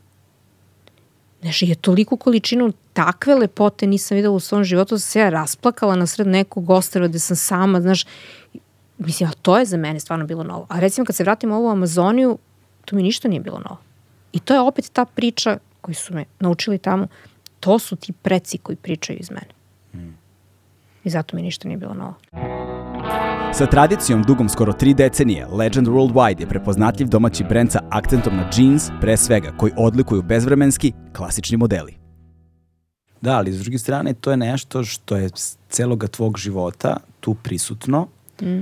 i samim time je za tebe to normalno stanje, jer nemaš paralelni život iz koji će ti biti neka referentna vrednost, odnosno koji ćeš da meriš ovo, nego je ovo tako, to je da. jedinica da. normalnog. Da samo kasnije s godinama u odnosima s drugim ljudima počinješ da primećuješ da nešto tvoje odskače i od udara mm. od tuđih iskustava. Pa kroz to negde kao uh, razumeš da je to nešto drugačije iako ga ti ne doživljavaš i dalje na nekom emocionalnom planu ili kako god drugačije. Da. Što je vrlo zanimljivo. Jeste, jeste. Da. Ali opet to ti otvara vrata i mogućnosti za upoznavanje da dublje zakoračiš u kulturu koja bi iz druge strane ljudima poput nas ovde mm. bila zaovek hermetična, mm -hmm. znači zatvorena nešto što mi smo znali isključivo iz dokumentaraca ili nekih ili možda iz nekih individualnih izuzetnih iskustava nekoga ko se posvetio i ceo život ono dao u nešto mm. tako, ali opet nikada neće biti da. vrata otvorena na način na koji su tebi samom činjenicom da si to ti. Mm. Što je opet zanimljivo, znaš, da. i onda su zato tvoje priče u, u tom u, zbog toga drago, tim dragocenije. Ovaj, I nakon tri meseca boravka sa njima, ti se vraćaš, jel te? Vraćam se u moju bambu. Aha, okej, okay. znači ideš ono 4-5 dana peške ponovo. Da, da, sve, sve isto. Ove, ovaj, mislim, to se sad vraćam zato što se tu svašta nešto dešava. Um, ja čujem u snu uh, da je Juanita, ta žena koja mi je puno pomogla, jel, preminula. I da me zapravo doziva na njen ispraćaj. Wow. I to je sve zapravo razlog zašto se ja vraćam. Inače, um, pri uzimanju nekih psihodelika, ali ne, ne vezano samo za to, mislim, sad neće da ispadne kao ja sam samo neka babavanga ili nemam pojma nešto nisam. Ove, ovaj, ali zaista kroz svet snova mnogo toga može da se vidi. Mislim, mi ovde u opet kažem, u ovom zapadnom svetu sve nekako merimo nečim naučnim i ako nešto ne može da se izmeri, smatramo da ne postoji. Ali fakat postoji jer dosta tih mojih snova su zapravo stvari koje su se realizovale apsolutno identično kao što sam ih videla ili, pošto vreme ne postoji, ali u ovom našem ovamo konceptu vremena to se dešavalo za nekoliko dana ili se dešavalo u identičnom momentu ovaj, kada ja to vidim ili dobijem informaciju. Dobro, i tamo dobijam tu informaciju da da je ona napustila telo i da treba da se vrati nazad za moje bambu. Tad počinje kišni period. Mislim, baš je bilo onako malo komplikovano sve.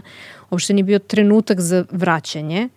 Ove, ovaj, ali opet s druge strane sam morala da se vratim, mislim, na kraju kada dolazim i u moju babu, baba moja tamo Čekaj, znači čeka. tokom kišne sezone si se vraćala? Da. Kako mislim, to izgledalo? Jezivo. Ali sad šta je sa druga stvar? To je ono što recimo neko bi rekao, ma kao ja ne verujem u to. Rađen je ritual da ja mogu bezbedno da stignem i da znači ne, ne upadnem u tu priču pljuskova i haosa i nevremena i svega ostalog. Jel? Ja sam zaista došla, mislim, njena kap nije pala na mene, a kiša je počela u momentu kad sam ja ušla u kuću. Stvarno, prva kiša. Prva kiša. I tad wow. kreće stvarno. Tako da, znaš, to su neke sa stvari koje ova kultura ovde gde sad živimo i ti ja ne može da objasni. Jel? Da, zanimljivo. Mm.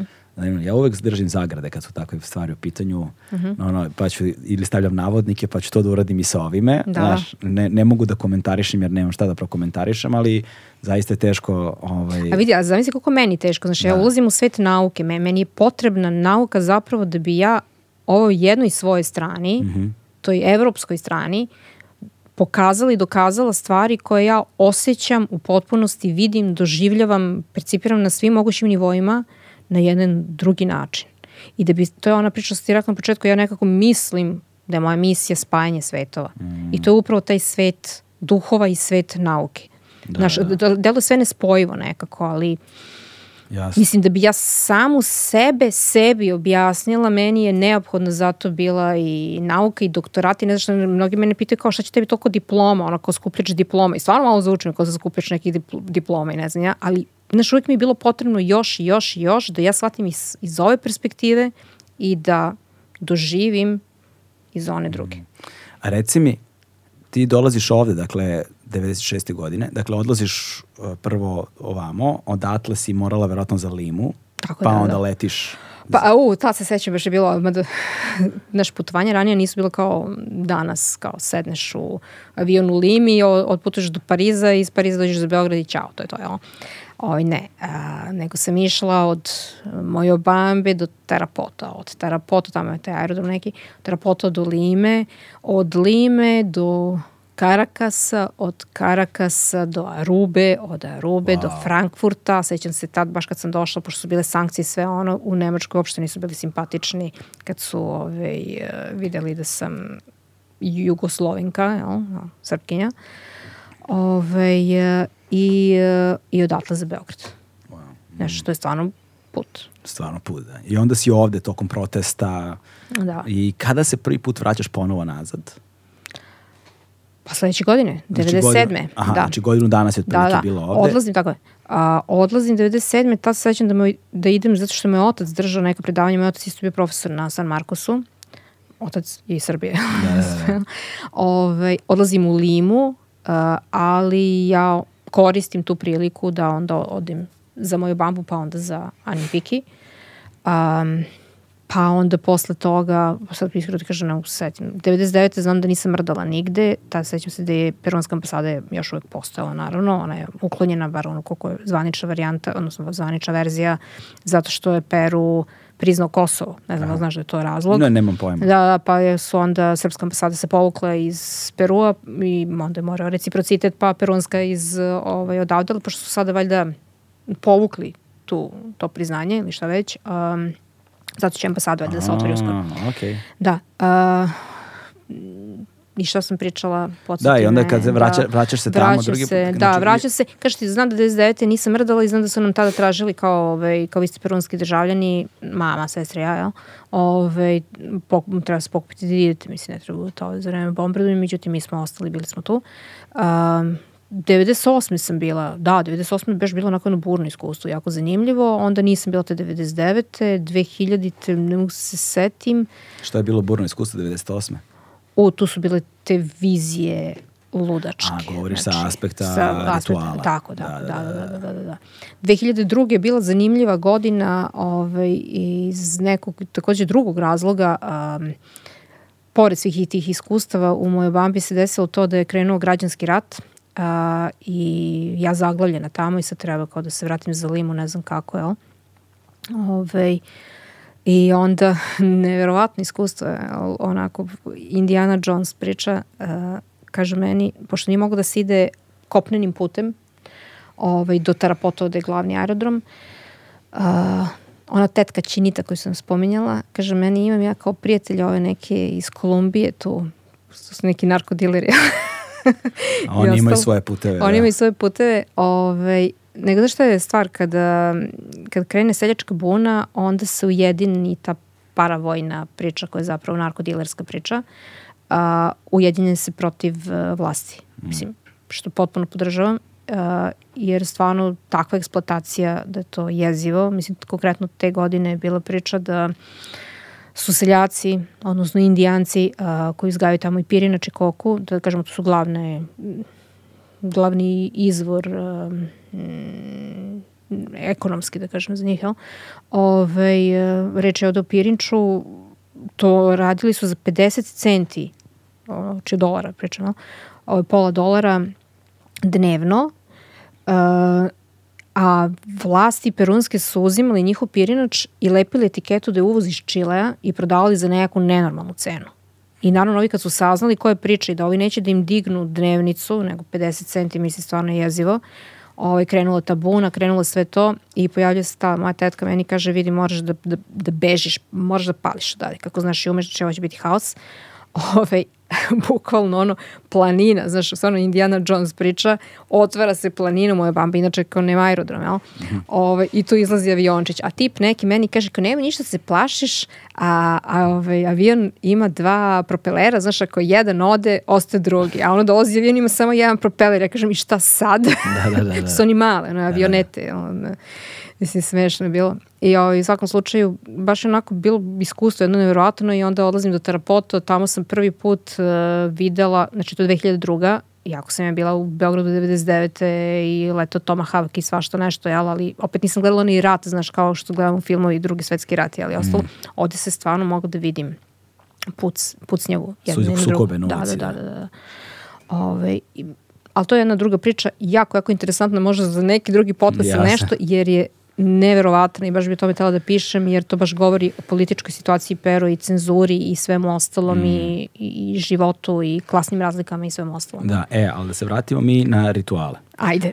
Ovaj, govorimo o ritualima sa naravno ovim psihoaktivnim biljkama mm -hmm. um, na picima. Dakle, kako izgleda ritual tamo? Dakle, struktura rituala me zanima. Pošto znam da se oni razlikuju. Mm -hmm. Neke stvari koje znam da su univerzalne, recimo, jeste da su kolektivna iskustva, da uvek više ljudi učestvuju u ritualu. Uvek znam mm -hmm. da postoje sad negde iz ovog kuranderosi, negde iz ovog naš drugačije, ali kao vođa rituala, mm -hmm. da mhm. se pevaju ikarosi, jel te, da ima tih nekih elemenata koji su zajednički, ali zapravo da postoji različita struktura samo. Ne... Da ti kažem ovako, ovde dakle jeste grupno u smislu što to su dve, tri, četiri osobe.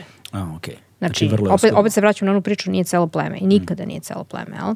A pošto oni nemaju organizovane te ceremonije za strance, mm. ove, ovaj, onda ne postoji u, u tom smislu koji je mhm. tebi poznat. Um, pa znaš kako, pre nego što, pr prvo moraš da učestvuješ u pravljanju samog napitka. Kako se pravi? Kako se taj, koji je taj napitak njihov? Kako ga oni zovu? Uh, Zavisi ist, koji? Ayahuasca. Ayahuasca, ok, ok. Da. Um, šta se radi? Znači, prvo traži molba od duhova biljaka da se biljke uberu. Znači, dok ne dobiješ dozvolu, nema branja. Znači, mm. nema ono kao sad idem kao, aha, ovo je za ovo, ovo je za ono, šta ti znam. Uh, traži se molba, dobije se molba Ove, Kako se dobija molba, na osnovu čega oni to procenjuju? A, dobije se vizija gde Aha. se duh obraća i kaže da, može da se bere toliko okay. i toliko, idite tu i tu, dobiješ smernice. Jel? Opet kroz snove. Opet kroz snove, da. da. A, onda se peva Ikaro, koji je već spomenut, što bi prevod bila neka sveta pesma, jel? Ove, uz branje se pere, pere, pardon, peva sve vreme i stalno je to pevanje. Mm. I samo pevanje takođe uvodi u izmenjeno stanje svesti. I onda se beru biljke, sad za, u zavisnosti kako, šta kako, se kako, radi. Kako, jel ti znaš da, da Ikarose? Znam. Ajde, mogu, mogu da čujem. Ne. da. to, to je za mene intimna stvar. ok, ok, ok. okay. da. Onda ćemo morati sa YouTube-a da pustimo. Da, da, da. da. e, a inače, dugo Ikarus uopšte nije bio tako javni. Znaš, i onda je recimo baš za Šaninke bio šok kad su čuli da na YouTube i na tako tim nekim se puštaju ne, nešto što je za njih opet mora koristiti intimno. Mm. Da. Ove, e, dobro, šta sam, da se vratim na ovo. Znači peva se Onda peva se, se, da, uberu se biljke u zavisnosti kakav je dan, šta treba da se radi, da li će to biti samo biljka javaska i čakruna, odnosno Psychotria viridis, ili će to, mislim ja da kod njih kažem uvek, mora da bude bar malo to za duvana, to je prosto obaveza, jel? Da li će to biti još neke druge biljke, zavisi. A, onda se kuva, mislim ja sad ne bih tala da dajem nikakve recepture, yes. zato što ne bih žela da se ovo zlupotrebi na bilo koji način. A, dok se kuva, evo samo mogu to da kažem, u tom nekom kazanu velikom, takođe sve vreme se peva. Dakle, to traje. To traje, A, to je jako dugo traje. Z, znam I da- čeka se noć. Aha, okej. Okay. I ovaj, zvezdano nebo. I uvek se gleda da bude čisto nebo. Jel? Uh, I onda se uzima jel, tu je naravno šaripijari koji opet koristi duvan i, i duva u pre svega dlanove, znači ovde je jako bitno da, mislim da su kao dve strašno bitne tačke, jel? Um, kreće, dakle, ta, da kažemo, molitva, opet nove pesme, uh, zvuk, čišćenje, šta bi rekli da čišćenje aure, mislim, ne, ne, ne, ne znam kako da prevedem. Pre toga ide i skeniranje, koja je jako bitan detalj, to sam zaboravila da kažem, znači kada se radi sa nekim, znači ta osoba se prvo skenira, da li uopšte za konzumiranje toga, toga, toga i toga ili nije. Mm, mm. Ili kad je vreme, jel? I ništa. Dobro, oni, oni mu zapravo dođu nešto kao, sad ću ja u nedostatku boljeg izraza, seoski psiholozi. Tako je. Nazovemo. Da, da, da. I onda te procenjuje. Tačno, tačno, tačno. Da. U razgovorima pa sa... Pa ja ti kažem, vidiš, imate neki doktor Segal, ovaj, psihijatar, koji je tamo negde 60. godina puno pisao svemu ovome -hmm. iz uh, ugla psihijatrije i on ih jeste nazvao, baš ono što ti kažeš, uh, seoski, doktor, seoski psihijatar, znači folklorni psihijatar i to je on je imenovao njih na taj način. Da, da, ja sam to primetio kada sam po istočnoj Srbiji mm -hmm. ovaj, boravio i razgovarao sa ljudima koji se ozbiljno uh, bave vlaškom kulturom i ovaj, nameru ne kaže magijom, zato što da. je vlaša kultura nešto mnogo, mnogo, širi, mnogo, mnogo, mnogo širi pojam od onoga mm. šta kolokvijalno ljudi podrazumevaju po to magijom, da. takozvano magijom, ovaj, ali magijski elementi a, opet u uskom i vrlo specifičnom značenju te reči, ne ono što je kulturna kontaminacija te reči kroz popularnu kulturu, pa sad da. zamišljaju neke čarobnjake. ovaj, ti zapravo vidiš strahovito snažan element ono nečega što bismo najbolje, najlakše uporedili sa seansom kod psihologa ili psihijatra u pa suštini. Da. I da je njihova uloga u društvu ogromna Upravo na da. tom nivou, mm. pre svega na tom mm. nivou, da. A onda potom sve ostalo. Ovaj, i, i, I to mi je, stra, to mi je, to mi je strahovito zanimljivo jer onda u razgovorima sa ljudima sam se sretao da ljudi kaže, e, kao ayahuasca, ayahuasca, onda ja kažem, čekaj, polako. Ovaj, ljudima je često potreban samo razgovor. Da. Nekome je potreban zagrljaj. Tačno. Znaš, Tačno, nekome da. je potrebna ono ljubav. Mm -hmm. ovaj, ne treba tebi ayahuasca, samo što ti misliš da je to što, ono što mm -hmm. ti mhm. treba. E sad je to na nekome ko je za, zaista stručan da proceni. I, i svi traže, pošto živimo u instant kulturi, da. svi traže instant rešenje. Mm, između ostalog, da. Mislim, ja se sećam, pre mnogo godina, zovem neki prijatelj koji žive u, tada u Americi, u Njurku, I kao, jao, ayahuasca, na, začuo sam to, ti imaš veze s tim, kao, vidi, depresivan sam već ne znam koliko, išao na sva moguća lečenja, kao, može samo jedna seansa kao to meni da reši, kao, ćao. Pa rekao, čekaj, neka priprema nešto. Kao, kako bi priprema? Daj samo to da zgutam šta treba i kao da no. bude... Pa čekaj, mislim, nije to hamburger, mislim, kao odeš kupiš i kao daj mi e, meka sada, javasku. Je, u, u, s obzirom da živiš u tom trenutku sa njima, a, ono što mene zanima jeste, oni se vrlo verovatno hrane inače na način ovaj Vidi, oni se hrane na način koji im dozvoljava njihova geografija Tako i klimatski je. uslovi. E sad, da li se u pripremi za ritual njihova ishrana menja ili je ta dijeta nešto što je njihova inače svakodnevnica? Ne, ne, nije, nije, menja se, menja se. A kako se da, menja? Da. Pa menja se samim tim što se ne jede tada meso, oni jedu meso. A, jedu meso, meso inače redovno. Da, da, da, da, da. Okay, okay. Jedu se majmuni, recimo. I, a što je isto zanimljivo, ovaj, kad se ide u lov, da se ulove životinje, jel? Kažem, prvo se isto obraćaju duhovima života, odnosno duhu životinja, traže dozvolu, može, može, uvek može u suštini. da, uvek može, da. uvek da, može, ali dobro. Ali ipak ovaj, mora se pita. Ali mora ipak da se pita, da. I onda recimo uh, majmuna kog ne ulove, znači koji uspe da im pobegne, uh, dovode u selo i on postaje član sela. Ne razumijem. Ravnopravni član, a, kako ti kažem, idu da ulove majmuna okay. da bi ga pojeli, je tako? Kao što da love, šta se lovi, nemam pojma, jelen, ne, šta ne, ne znam, da. nemam pojma. Ove, dakle, ne ide se u lov iz hobija, nego da bi se prehranio Jasno. pleme, porodica. I recimo sada jure majmuna kog treba da ulove da bi ga pojeli. Ali taj majmun je toliko bistar i zna kako da im utekne. Okay. I posle toga se oni Vrate. približe njemu Aha, okay. i dovedu ga kao maltene, neću reći, nekog kralja a ka, i božanstva. A kako ga dovedu, to mi nije jasno. A, pa recimo kao kada bi ti, e, mislim sad majmun i pas ne mogu naravno se porede, jel, ali i tom majmunu je potrebna neka ljubav ili nešto, mislim bez obzira što oni isto tamo u svojom nekom plemenu, jel? Da. Ali on, jako je zanimljivo što oni dolaze, žive sa plemenom, odlaze u svoje, nazovimo pleme, u, svoje, u svoju džunglu, ali je strašno zanimljiva ta interakcija, znači ti ćeš u plemenu šaninku uvek videti majmune koji žive to, a to su oni koji nisu ubijeni i koji žive ravnopravno, dobijaju znači, svu hranu. Oni slobodno dolaze. Slobodno dolaze, žive, uživaju i jako dolazi do neke vezanosti između, znači kao kućni ljubimci, jel? Mm -hmm. Između nekog koji ih najviše zapravo hrani. Hmm. I često se dešava recimo da... Samo me zanima taj inicijalni trenutak, kako ga dovedu? Mislim, šta urade? Kao, ok, nisu ga uhvatili, vidi, znači ne mogu da ga vidi, vode za ruke. Ja ne, ne mogu da ti objasnim sada yeah. u ovom zapadnjačkom smislu šta su tačno radili, ali to je opet taj neki, nazovimo, magijski ritual, da, da oni njega mole da dođe. Naravno, skoro uvek on prihvati, nekad ne prihvati. Da, da. I kad prihvati, oni dođu, nama ga hrana. da. Mislim, ne znam kako da, drugačije da, se razmišljam. Ali meni je to šta, šta je isto zanimljivo, ovaj, što se mi podsjetio na to, dosta, pre svega žena, koje ostanu bez muža, stare su, same su, nekako usamljene se osjećaju, ovaj, tako usvoje te majmunčiće, Da mi znači ima i onih malih majmunčića, znaš, koji su veličine palca. Recimo. Znam da se ima jedna grupa majma koja zove marmoset. Marmoseti su strašno mali, ali ne znam da se... Jesu, ali nije, ali nije ovaj. Pa ne znam, ne znam pojma, da. želim, ali znam da, mislim, ima puno tih malih, da. ja znam konkretno za taj jedan. Mm -mm. Znam se, slušam te, slušam. Ja sam da kažem, mislim, ove, i oni, znaš, ih usvoje kao svoju decu. E. Znači, spavaju s njima, šetaju se, druže se, hrane. I sad, ti znaš da ja A, ne da, vidim. da, da, da, da, da. Ja se samo pravim da je, čekaj.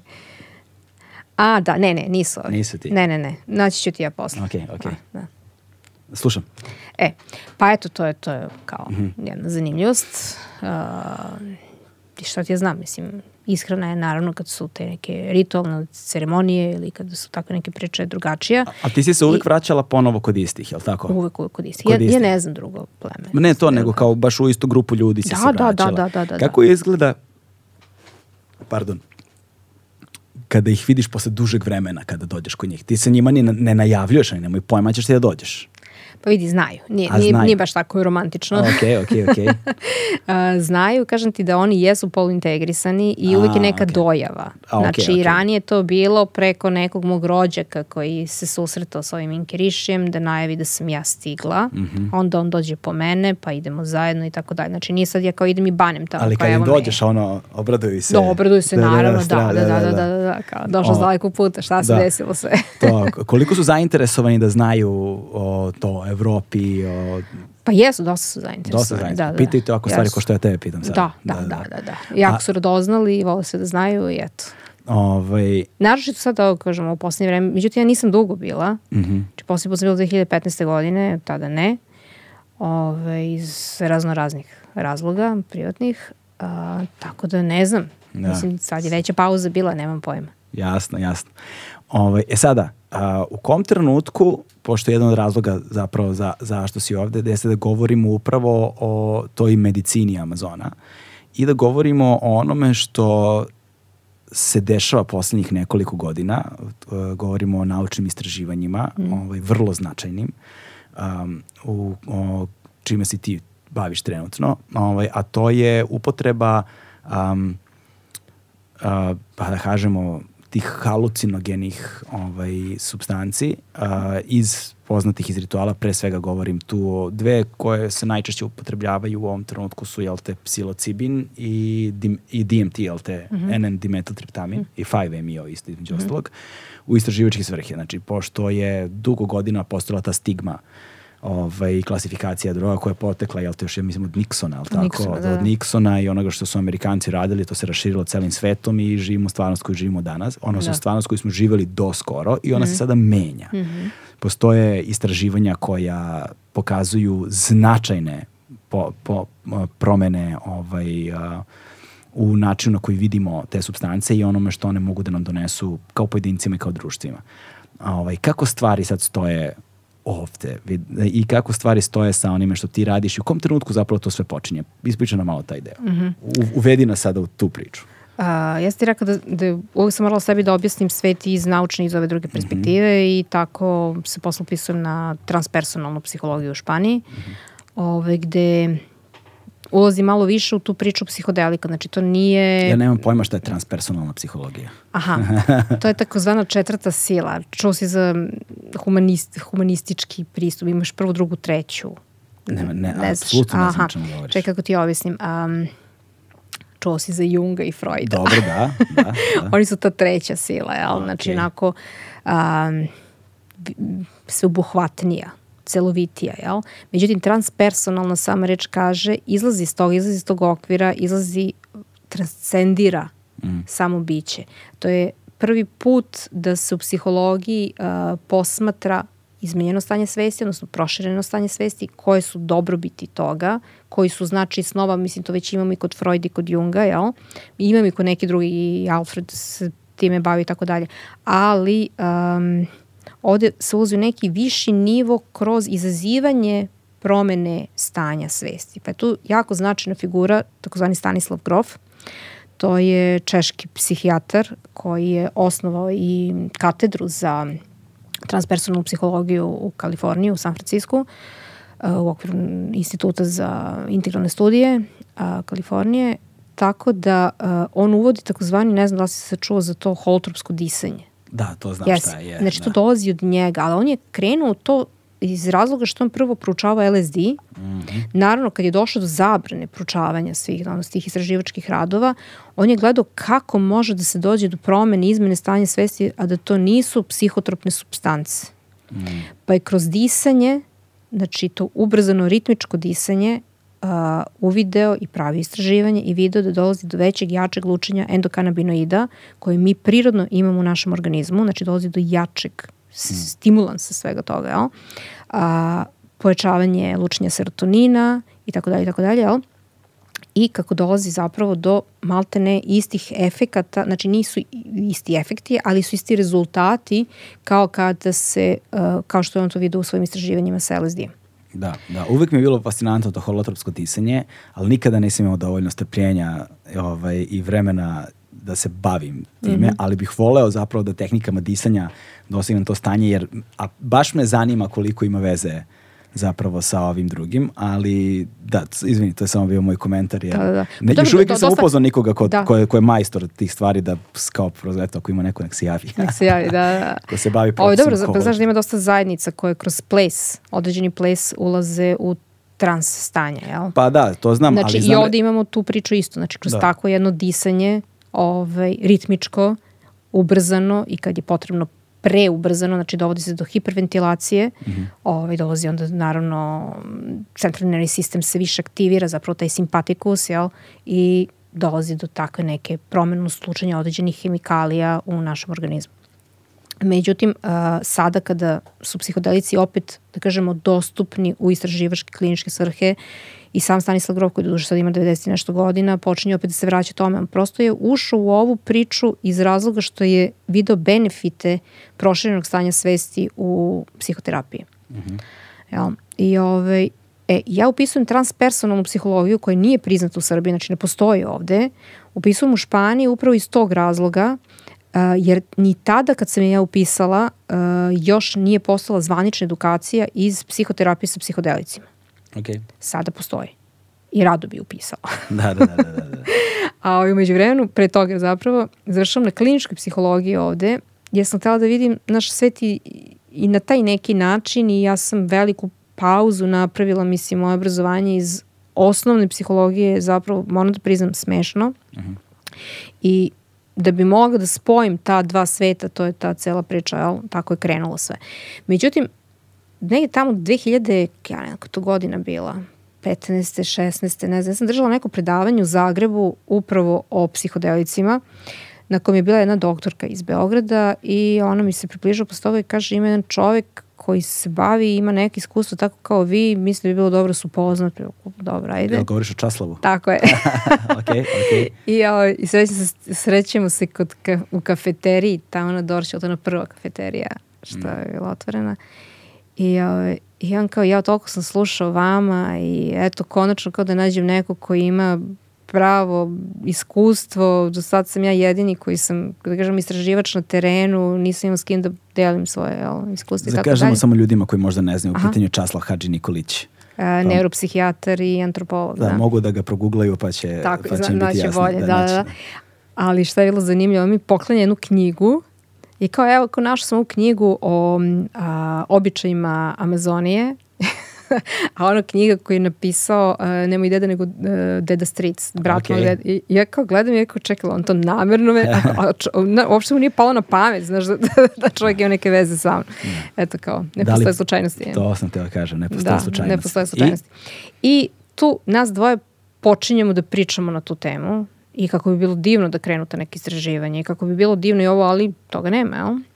I malo po malo tu 2016. to već kreće priča u svetu, ali sve to onako stidljivo dosta.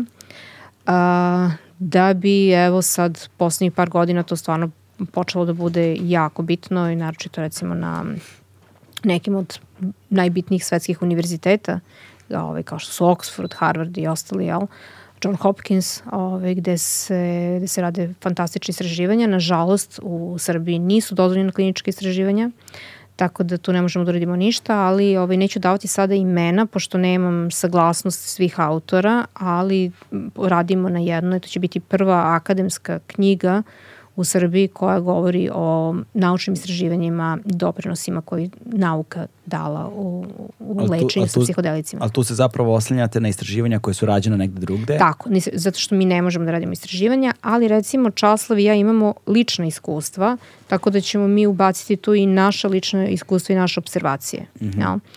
A, kažem, nažalost mi nemamo tu mogućnost da tako nešto uradimo, ali eto, pomaka u Srbiji ima u oktobru nije ove godine, nego 22. znači od pre koliko? Mm. Pa skoro godinu ima... dana bio je ovaj, jedan uh, kongres, odnosno simpozijum psihijatrije uh, koji je organizovao Klinički centar Srbije i to je prvi simpozijum za koji ja znam gde onako pionirski da kažemo je govorio o psihodelicima. To je sad zanimljivo, uh, zato što s jedne strane stigma je strahovito snažna. Dakle, duboko ukorenjena kulturološki, generacijski, da ono, potpuno, mislim da će i ovaj naš razgovor biti za veliki broj ljudi jedna barijera koja apsolutno ne može se preva, prevaziđe. Mm -hmm. A druga stvar je što nam je zakon takav. Mm. Da je toliko rigidan i ono apsolutno uh, ne u koraku sa, sa, sa, vremenom. sa, sa vremenom, zato što mm. recimo mi nemamo ni kategorizaciju psihoaktivnih substanci. U Nema. očima zakona nama su sve mm. sem alkohola, vrlo zanimljivo, da, i cigareta i da. šta ti ja znam. Mislim, alkohol koji je toliko zastrašujući zapravo. Zastrašujući potpuno, da. da. Ovaj, su apsolutno ravnopravno posmatraju. Znači, da li govorimo od marihuane do heroina, da, da, ne pravi nikakvu razliku Nik, među da. njima, mm. što je naravno i onda za zloupotrebu... Totalni absurd, da. Pot, potpuni absurd, što onda i da postoji nekakva dobra volja na, sa, sa strane nauke, zakon je toliko rigidan da to apsolutno nije Dobro, ja ovde moram stvarno da dodam priznanje i divljenje um, organizatoru ovog simpozijuma, mm -hmm koji je dakle naučni simpozijum na kom su Kako zove simpozijum? Uh, simpozijum psihijatrije ja ne znam zove, to je 47. naučni simpozijum psihijatrije Srbije. Gde se to desilo? U Narodnom pozorištu. Ok. Se odigralo, da. I svi koji su došli da slušaju i da učestvuju su bili psihijatri, neurolozi, a, naučnici mm -hmm. a, i prema mom saznanju a, neki 50%, ako je to tačno, a, jer ja sam jedina koja sam govorila o psihodelicima, mislim, nije bilo drugih govornika što se tiče okay. te teme. Ove, ovaj, um, neki 50% je bilo ono kao šta priča ova žena, mislim, kakvim drogama priča, šta je ovo, mislim, pa ovo je naučni simpozijum, znaš, da, da. Ove, ovaj, ali jedna grupa ljudi zaista mi se obratila koji su mi pitali, tako sam je zapravo i došla do nekih osoba koje mm. žele da učestvuju u ovom projektu. Da, da. I žao mi je što um, nisu barem informisani o tome šta se dešava u svetu i koliko uh, psihodelici mogu biti od pomoći pre svega u lečenju depresije, ali i mnogi drugi bolesti. Jel? Ali s druge strane, znaš, a, imao sam radeći kroz posao kontakata relativno čestih, ovaj, s nekim od tih ljudi sam zapravo postoji dosta blizak vremenom, a, a, koji rade što u, u Nacionalnom centru za kontrolu trovanja, ljudima će to mnogo poznati biti kad kažu VMA. Dakle, Aha. tamo, znači sve što je akutno, ono, dolazi da. kod njih, overdose i sve što je zakonski i tako dalje, odno, to, tu, oni rade tu sva testiranja. S druge strane su hronična stanja, jel te, centar za bolesti zavisnosti u Teodora Dreisera da. i tako dalje. Bolnica za bolesti zavisnosti to jeste i onda poznajem dosta ljudi ovaj, u tim sistemima, doktora na, naravno i u kom, kontaktu sa njima, u komunikaciji sa njima radeći neke druge stvari, zapravo sam saznao da postoji strahovita ljubopitljivost, postoji strahovita znatiželja, znači postoji ogromna želja da da, da, da empirijski dobiju nekakve podatke, da imaju određene iskustva, da saznaju brojne stvari, ali njih zakon strahovito ograničava. I onda u razgovorima sa njima ti vidiš koliko su oni u razgovorima gladni da saznaju informacije, ali oni nemaju kako da dođu do zvaničnih informacija, mm. nemaju kako da urade bilo kakvo istraživanje, ne mogu ni ni sa čim da barataju ni na koji način i onda mogu samo da se oslanjuju na ono što čuju ili pročitaju negde sa strane. To je Nažalost. to. Nažalost, da, da, da. Ali da, ali da postoji interesovanje, veliko postoji. Mislim, barem među onim ljudima koji sam ja sretao. Ne, to, to je da. sjajni podatak koji si mi da, rekao. Da, da. da kažem ti, posle ovog simpozijuma, znači ljudi koji su mi se obratili, to su sve to nekoliko neurologa, ok, psihijatri, psihoterapeuti, uh, kardiolozi takođe, da. što mi je bilo baš onako zanimljivo, ovaj, jer njih isto interesuje i uticaj psihodelika na kardiovaskularna oboljenja, mada osobe koje boluju, bar nauka za sada tako kaže, od kardiovaskularnih oboljenja, nisu kandidati za terapije sa psihodelicima. Da, da, da. Ali, ovaj, a, ali s, s kojim istraživanjima, istraživanjima si imala kontakta? Odnosno, koje istraživanja ste vi pratili i kakve ste rezultate ovaj, saznali, odnosno kako ste rezultate dobili prateći te istraživanja i ovaj, šta, je, šta je to što ste zaključili iz dosadašnjeg mm -hmm. rada? Pa ovako, znaš kako, mi smo to podelili zapravo na više segmenta tu knjigu. Moja tema je pretpostavit ćeš ayahuasca. Mm, ok. Ove, ovaj, gde ja govorim o svojim ličnim iskustvima i istraživanjima ko, s kojim ja imam kontakt, ali kontakt u smislu ne da sam ja učestvovala, jer nažalost nisam učestvovala, mm -hmm. ali imam plan da učestvujem, mislim da si spomenula da sam nedavno poslala član jednog evropskog udruženja koje se bavi naučnim istraživanjima U Berlinu? U Berlinu, tako je. Kako se zove? MAPS je okay. cela ta organizacija. A, MAPS, da, znam, pa Znaš, mislim, znam da, za da, MAPS. Da, da. Mislim, oni su i u Americi, da, da, da, da, su, da, tu su ove le, legende. Tako je, da. da. da, da. Ovo, pošto ovde sad uh, sedište u Berlinu, znači ovde pričamo o evropskom udruženju, uh, koje čine... Sada pokušam se setim imena, Timothy Leary, je li tako? Timothy Leary, jeste, jeste, jeste. Dobro, pamćenje me služi. Da, da, da. da. I samim ti što sam član imam mogućnost da pristupim svim najnovim istraživanjima, jel? I nadam se da će mi to dati mogućnosti da ja možda jednog dana učestvujem u pravim empirijskim mm. istraživanjima, mm. naučnim istraživanjima, kliničkim, na ovaj ili na onaj način. Ove, ovaj, jer, znaš, onako, samo prepisivanje a, tuđih iskustava nije to. Kao što ni meni, znaš, cela ta priča, ja ne vidim da bi mogla da pričam o javaski ili mm. o psilocibinu da nisam imala lično iskustvo. Ove, jer čini mi se da to je jedini način da možeš nešto da spoznaš. Ok, literatura, teorija znači, naravno, jel? O, tuđe iskustvo je naravno da znače, ali tvoje iskustvo je ono koje mm. te vodi.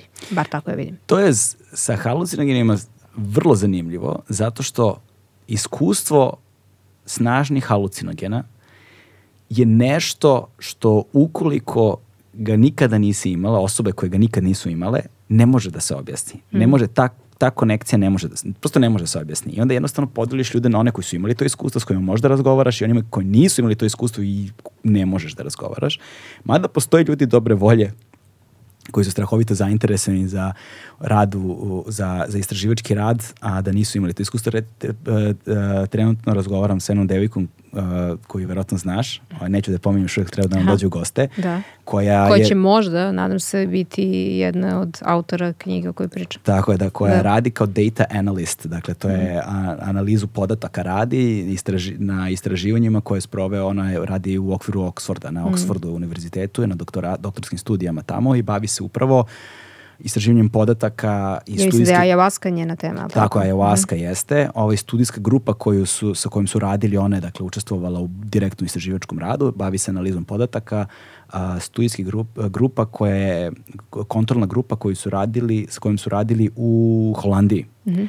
Ali to je zato što u Holandiji postoji zvanično crkva, kako se zove ta crkva koja postoji? Misliš na Santo Daime? Santo Daime, tako mm. je, Santo Daime, ovaj, sa pripadnicima zapravo crkve Santo Daime, mm. što je vrlo zanimljivo. E vidiš, to je jedan od načina da se zapravo uradi istraživanje, mm -hmm. otići u crkvu Santo Daime, Objasni samo koja ljudima... ima isto u Berlinu, ovaj, ima je u Pragu.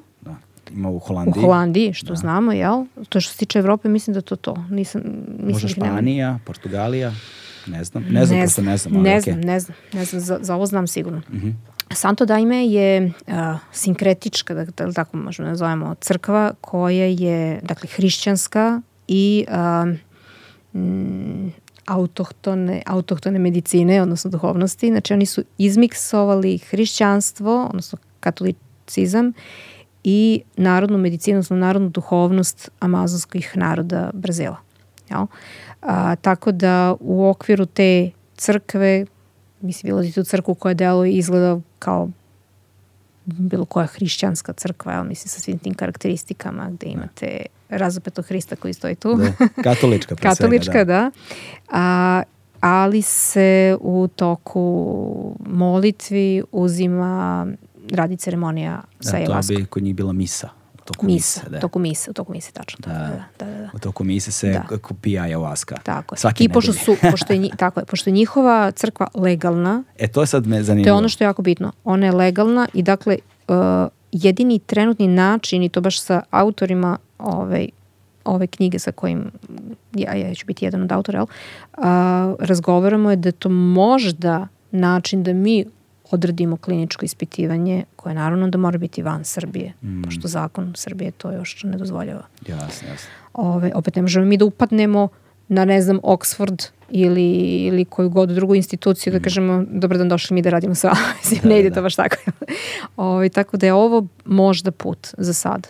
Zanimljivo je kako su oni uspeli da ovaj, Međutim, izvini, ovaj, i to istraživanje je bilo jako teško, jer da bi se uradilo pravo naučno istraživanje, to nije samo da mi vidimo kako funkcioniše jedna grupa u odnosu na drugu koja uzima placebo. Mm -hmm.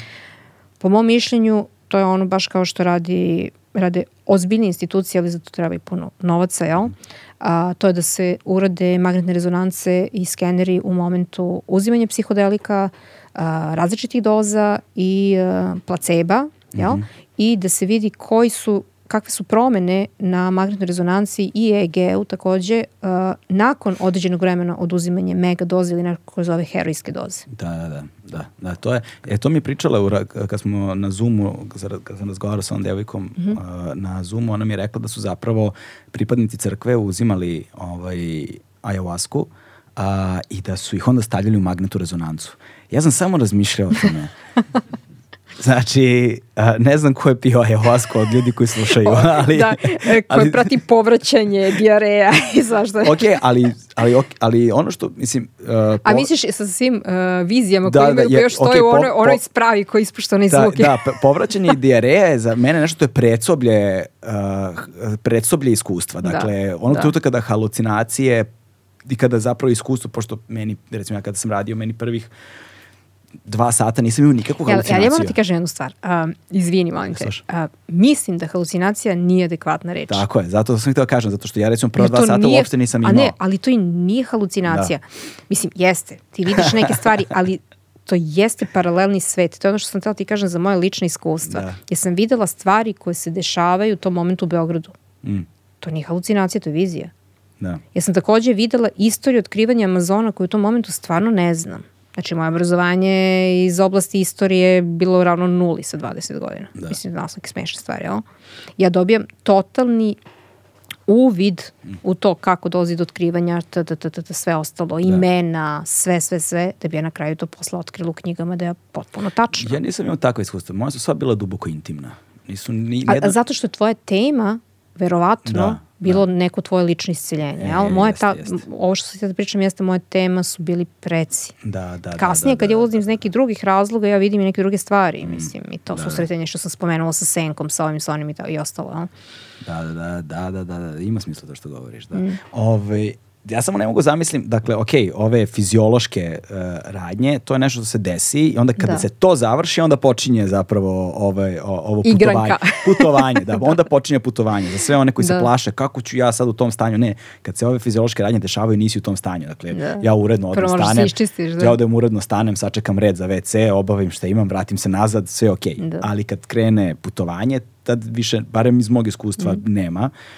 Ovaj, ali Znači u onom stanju da te neko smesti u magnetnu rezonancu i da te skenira, ja ne znam, ja sad, znaš, moje pitanje je... Vidi, za nauku tu, sve, ja bi tu da, radila. ali moje pi, a da, ali, ali u tom, ovako sad kad sediš razgovaramo, da, da, da. ali kad si ono, mislim, ne, možda moraš stvarno da imaš kao ljudi Santo Dajme, da imaš mnogo iskustva i da, ti, da, da. Si, da si onda zapravo tu okej. Okay. Na, to je ne, vidi, ja sad razmišljam, pazi, iskustva, da. možda da sam u toj situaciji bi rekla, uf, uf, ne, ali sad dok ti ja pričamo čini mi se da je to nešto što bih mogla da uradim. Da, da, tako ja svake, svašta što pomislim da mogu pa kad sedim posle... u fotelji. Ali onda kad ustanem iz fotelje, opa, da, ba to da, malo da, teže. Da, da. ali vidiš, ovaj, ovo istraživanje što su radila vezane za psilocibin Aha. i za te mega doze, uh, bilo stvarno veliki broj dobrovoljaca mm -hmm. koji su učestvovali u istraživanju. Znači, koji ima, znači dobrovoljaca, nije im plaćeno ništa, jel? Znači, da, da. Za, u ime nauke su to radili, jel? Kao i onih koji su isto prihvatili, isto dobrovoljci koji su već smešteni u određene psihijatrijske ustanove i koji boluju od, obič, od teške, mm. teških oblika depresije ili posttraumatskog e, sindroma, anksioznih poremećaja i ostalo.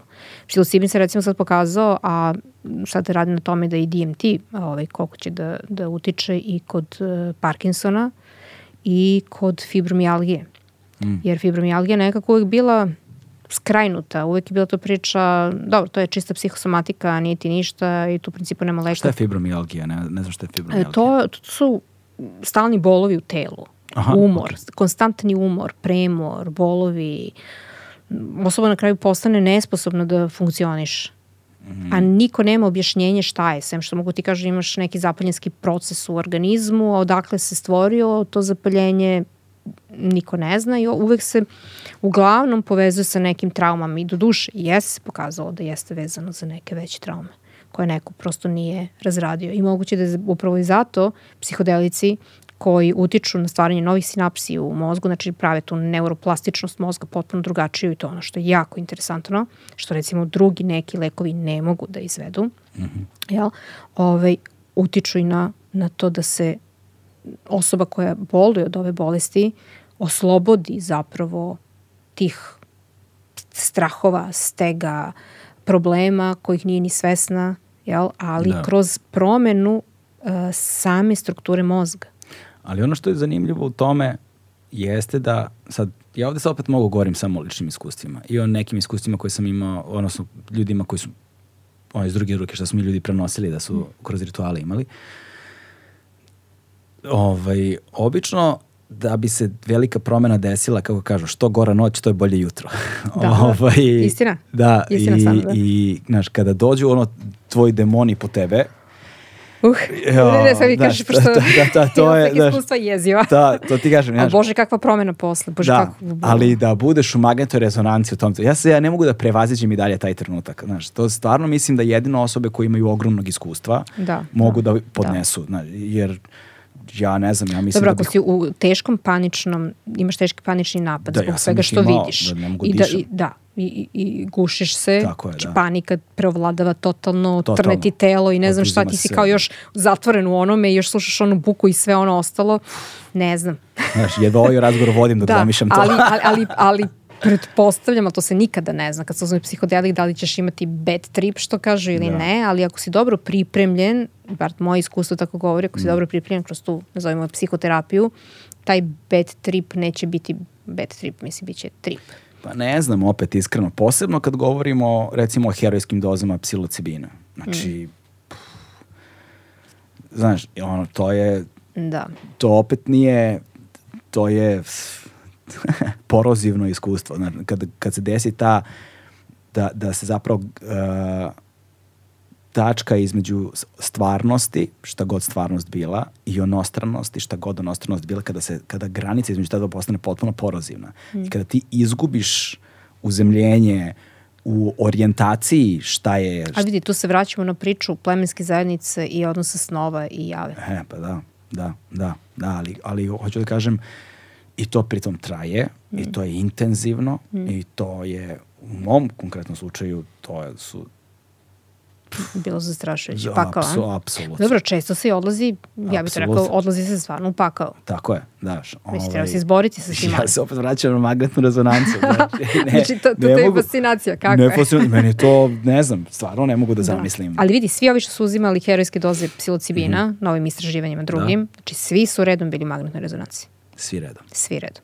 Od starih do mladih, znači to su, ima različitih istraživanja, naravno sad recimo kad je pravljeno istraživanje koje je završeno 2022.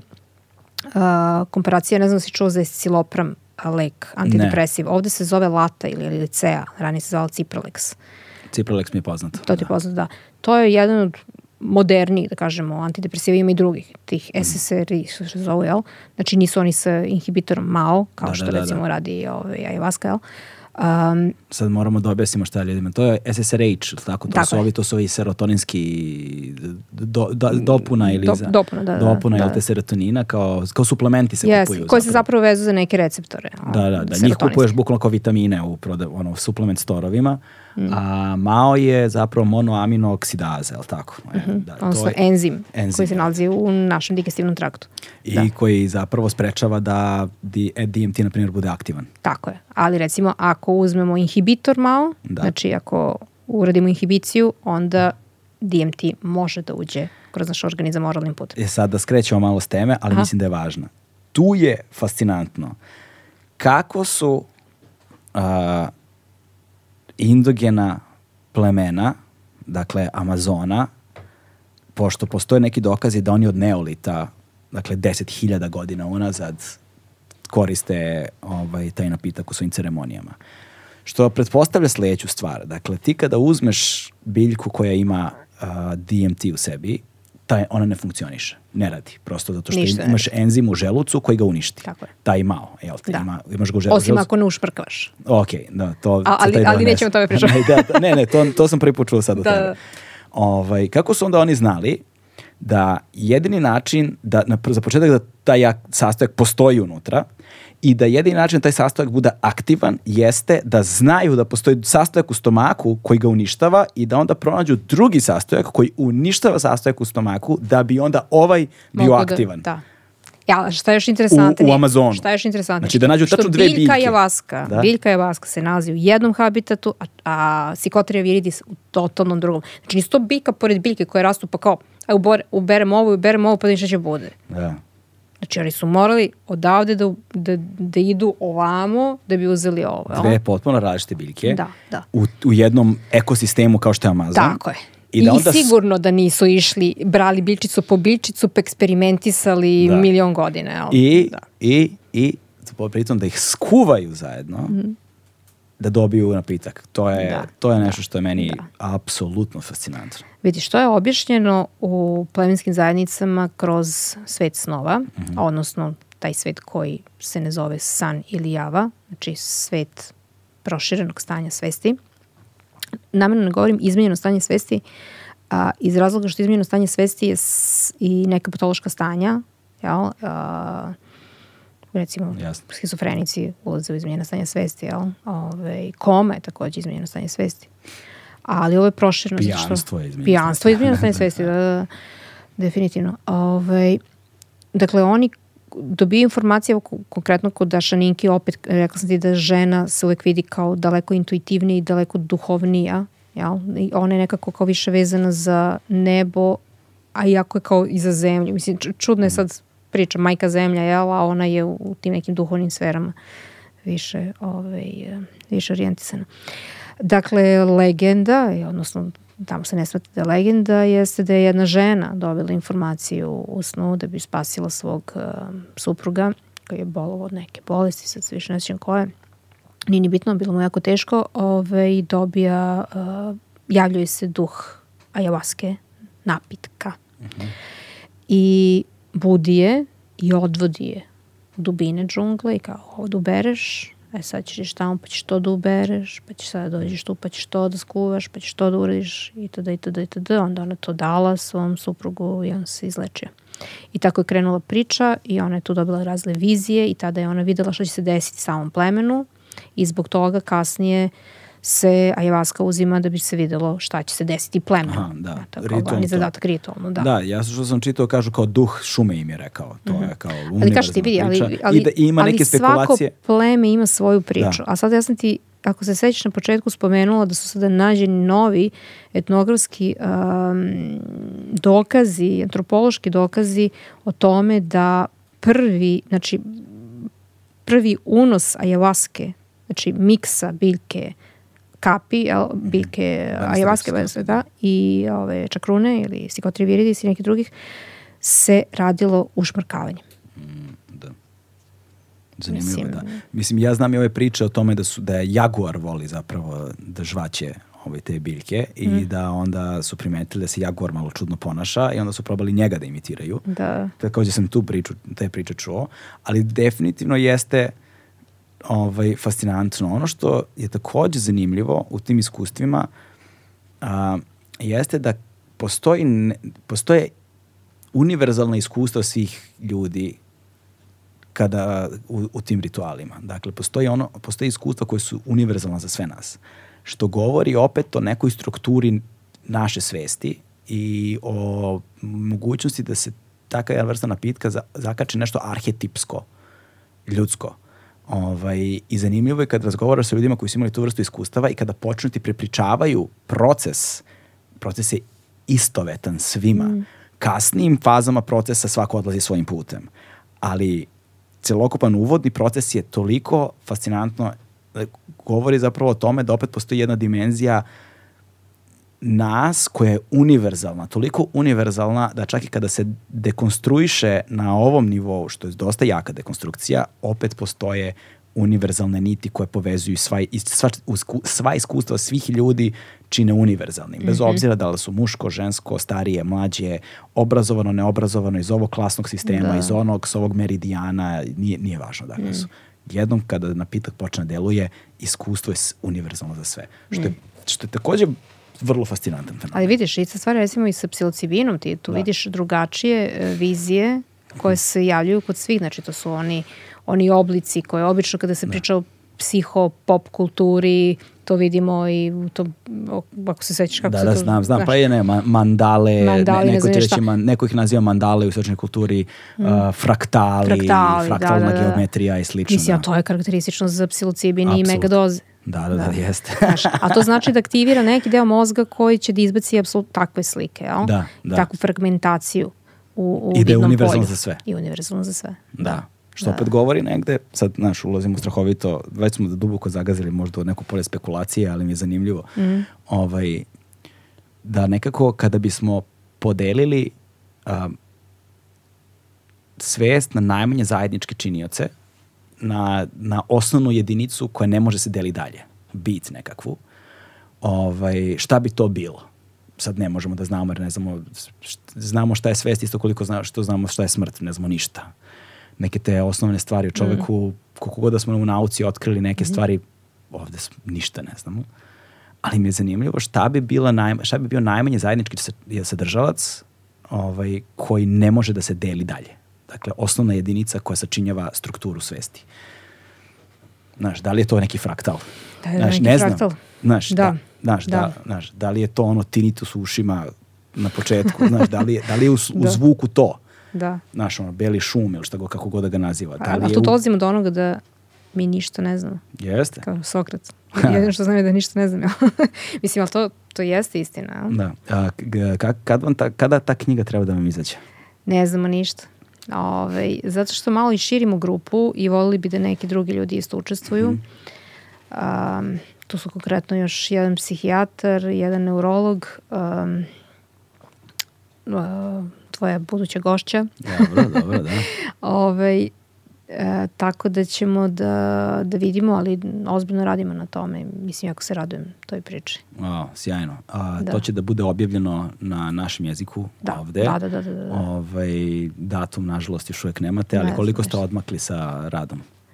Pa vidi, svako je odmakao drugačije. da, da, da. A to treba sve da se uklopi. sve treba da se uklopi i da, da nekako opet bude strukturisano tako da Mislim, svi smo mi različiti autori, naravno i stil pisanja drugačiji, ali to ono mora biti akademski, moramo da imamo neke postulate koji su isti. Mm. Znaš, da prosto ne odudara knjiga kao jedna u nekom esističkom stilu, a druga u, u ne znam, akademskom, ne da, znam da, kom i ostalo. Da. Tako da to posle ćemo morati da uskladimo. Ali naravno to su detalji, mislim, nebitno je sad u, ovom, u, ovom, ovoj fazi, nije bitno. Ali bit će vrlo zanimljivo videti tako nešto, posebno u jednom ovakvom sistemu kao što je naš, šta god da bude, ipak je nekakav korak jest, napred koji jest. može da donese da započne, nadam se, nekakvu lančnu reakciju, nekakav domino efekt mm -hmm. nečega što će nam doći kasnije. Ja se nadam, zato što ja mislim da, da su psihodelici budućnost. Mm -hmm. Zapravo, trebali bi da budu mislim da bi to bilo jako dobro. U, misliš psihodelici u terapeutske U terapeutske svrhe, naravno. Mislim, želim samo da kažem jednu stvar da, da tvoji gledalci razumeju. Uh, mislim da mi nismo ovde da propagiramo psihodelike. Yes. Psihodelici su mač sa dve oštrice, nisu za svakog, znači osobe koje boluju od određenih psihoza, ne određenih nego bilo kog oblika psihoze, osobe koje su na nekim lekovima, osobe koje imaju ozbiljnja kardiovaskularna oboljenja i tako dalje, nisu nikakvi kandidati za ovo, inače ne sme s ime da se igra, znači to može završiti smrtnim ishodom. Mm -hmm. I ne da Bože da neko uzima nekad starijih oblik antidepresiva u momentu kada uzima bilo koji psihodelik može doći do takozvanog serotoninskog šoka koji opet dovodi do smrti. Mm. Jel, mislim, to svakako ne želimo. Jel? A, dakle, ovo se mora biti u strogo kontrolisanim uslovima, ali šta je bitno jesu upravo ta istraživanja, spomenuo sam ti onaj cilopram, ovaj, uh, zanimljiv je on iz razloga što su smatri jednim od najboljih antidepresiva uh, ovaj, farmaku kuće koji su ikada napravile, jel? Mislim sad se smatra da postoji neki drugi, možda malo bolji, ovako onako, ali on se najbolji kao i podnosi, daje najbolji rezultate i ostalo. Međutim, kada je pravljeno istraživanje, znači komparacija između takozvanog cipralex ili C ili late, no, u Srbiji se tako zove, jel, sve siloprama i uh, psilocibina, psilocibin je milion puta bolji. Znači, uh, došlo je do 70% izlečenja od depresije. Wow. A esilopram ne može da izleče depresiju. Znači, može da kamuflira ovaj, simptome, posle je neophodno povećanje doze a, i stvara isto zavisnost. Ali kod, ali kod ovih zna, jakih substanci, ono što čini mi se ljudi takođe ne razumeju, mislim sad da li razumeju ne razumeju, to je moj zaključak, ne znam. Um, prvo igranje sa konceptom rekreativne upotrebe. To je nešto što je pot, potpuni promašaj. Mm To je jedna stvar. A druga stvar, a, okolnosti u kojima se zapravo substanca uzima. Dakle, ko te vodi, dakle, koja je osoba koja te vodi kroz to, dakle, neku čije u, u, osoba u, u koju ćeš da, koju ćeš poverenje da daš u ruke.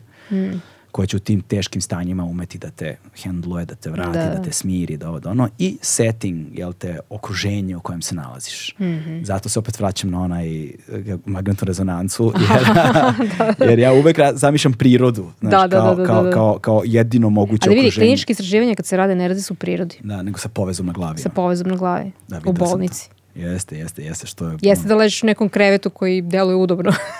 Imaš povez na glavi. Ali si okružen opet ljudima Ali, koje moraš da imaš poverenje. Jeste, tako je. Da, I to je u stvari najbitnije. Mm.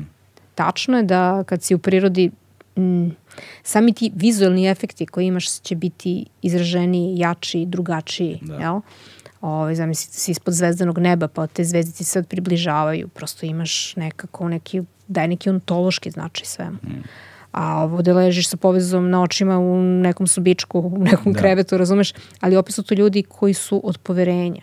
Ti njima veruješ samim tim što su oni lekari, psiholozi i ostalo. Ja? Da. Znaš da ukoliko ti se ne znam šta desi, da si u sigurnim rukama i ti se zapravo ništa ne može desiti.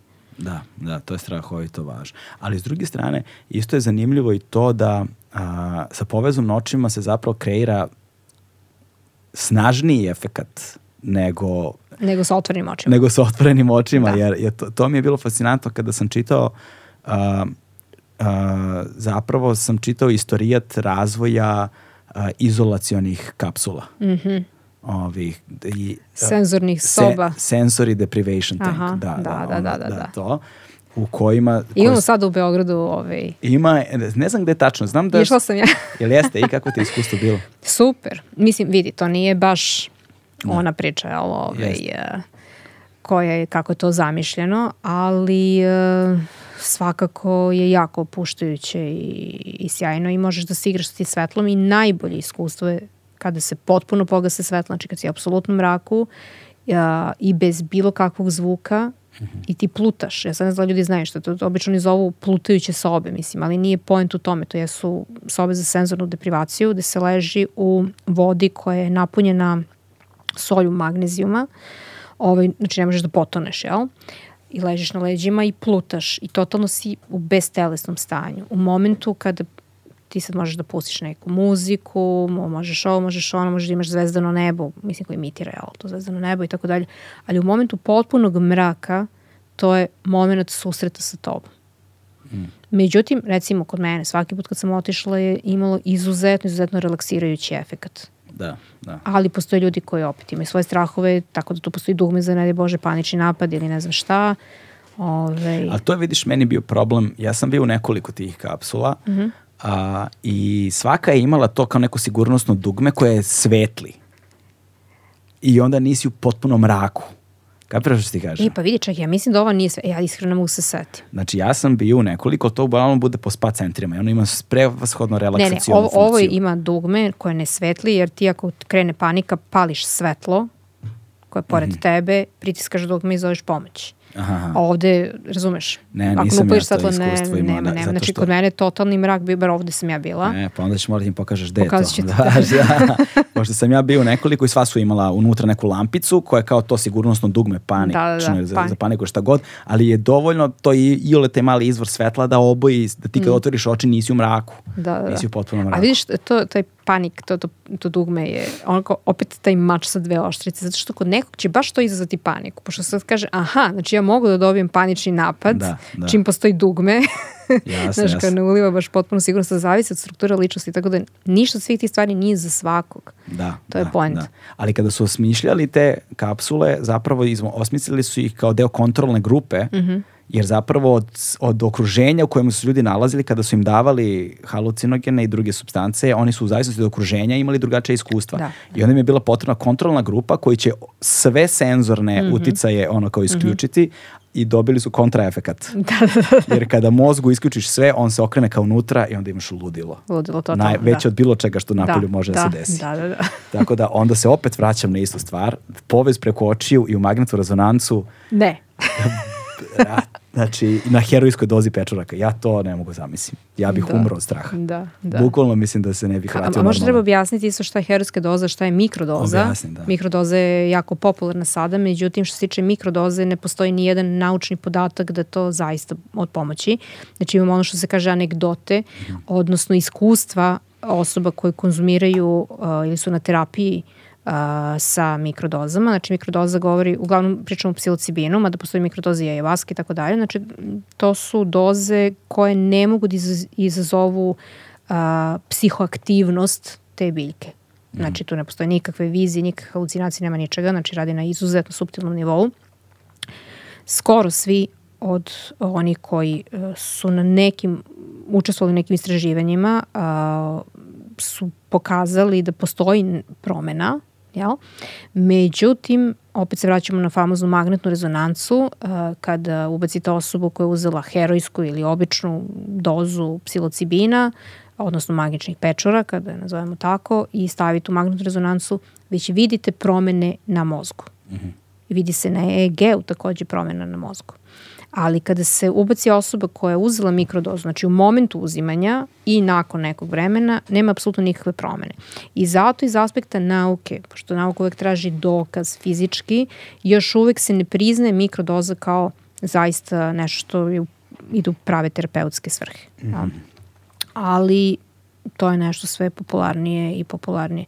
Sad, ima neka stvar koja je možda malo zabrinjavajuća, a to je da farmakološke kuće su sad počele da se naravno interesuju za sve, jer se vidi da, evo konkretno opet se vraćam na onaj Cipralex, uh, koji su rezultati, nije on jedini lek s kojim je pravljena komparacija, rađeno i sa drugima, pokazalo se naravno, istraživanje su pokazale koliko može da pomogne pre svega kod uh, depresije i kod bolesti zavisnosti. Uh, Tako da nikome naravno neće odgovarati da sad, naravno ako pričamo o psilocibinu, a o tim pečurkama imamo ih svuda.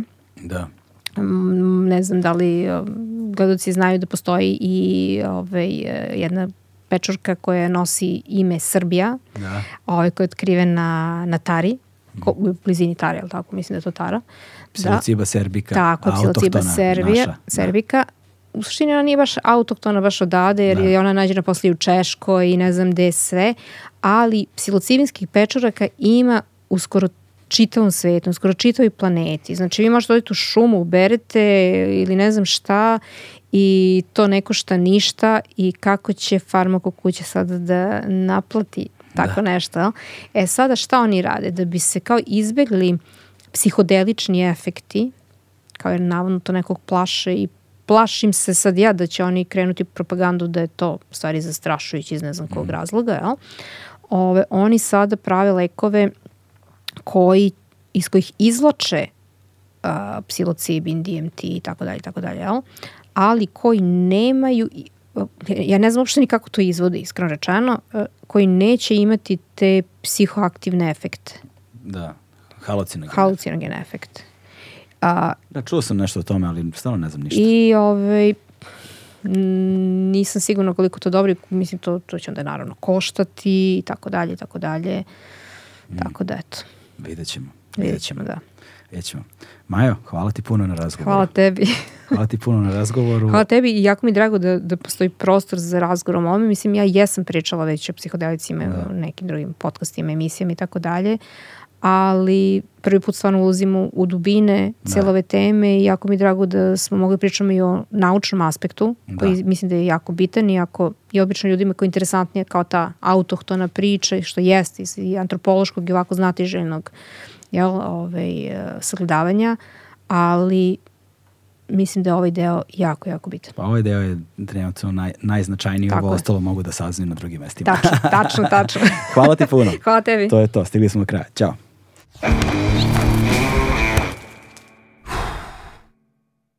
Hmm.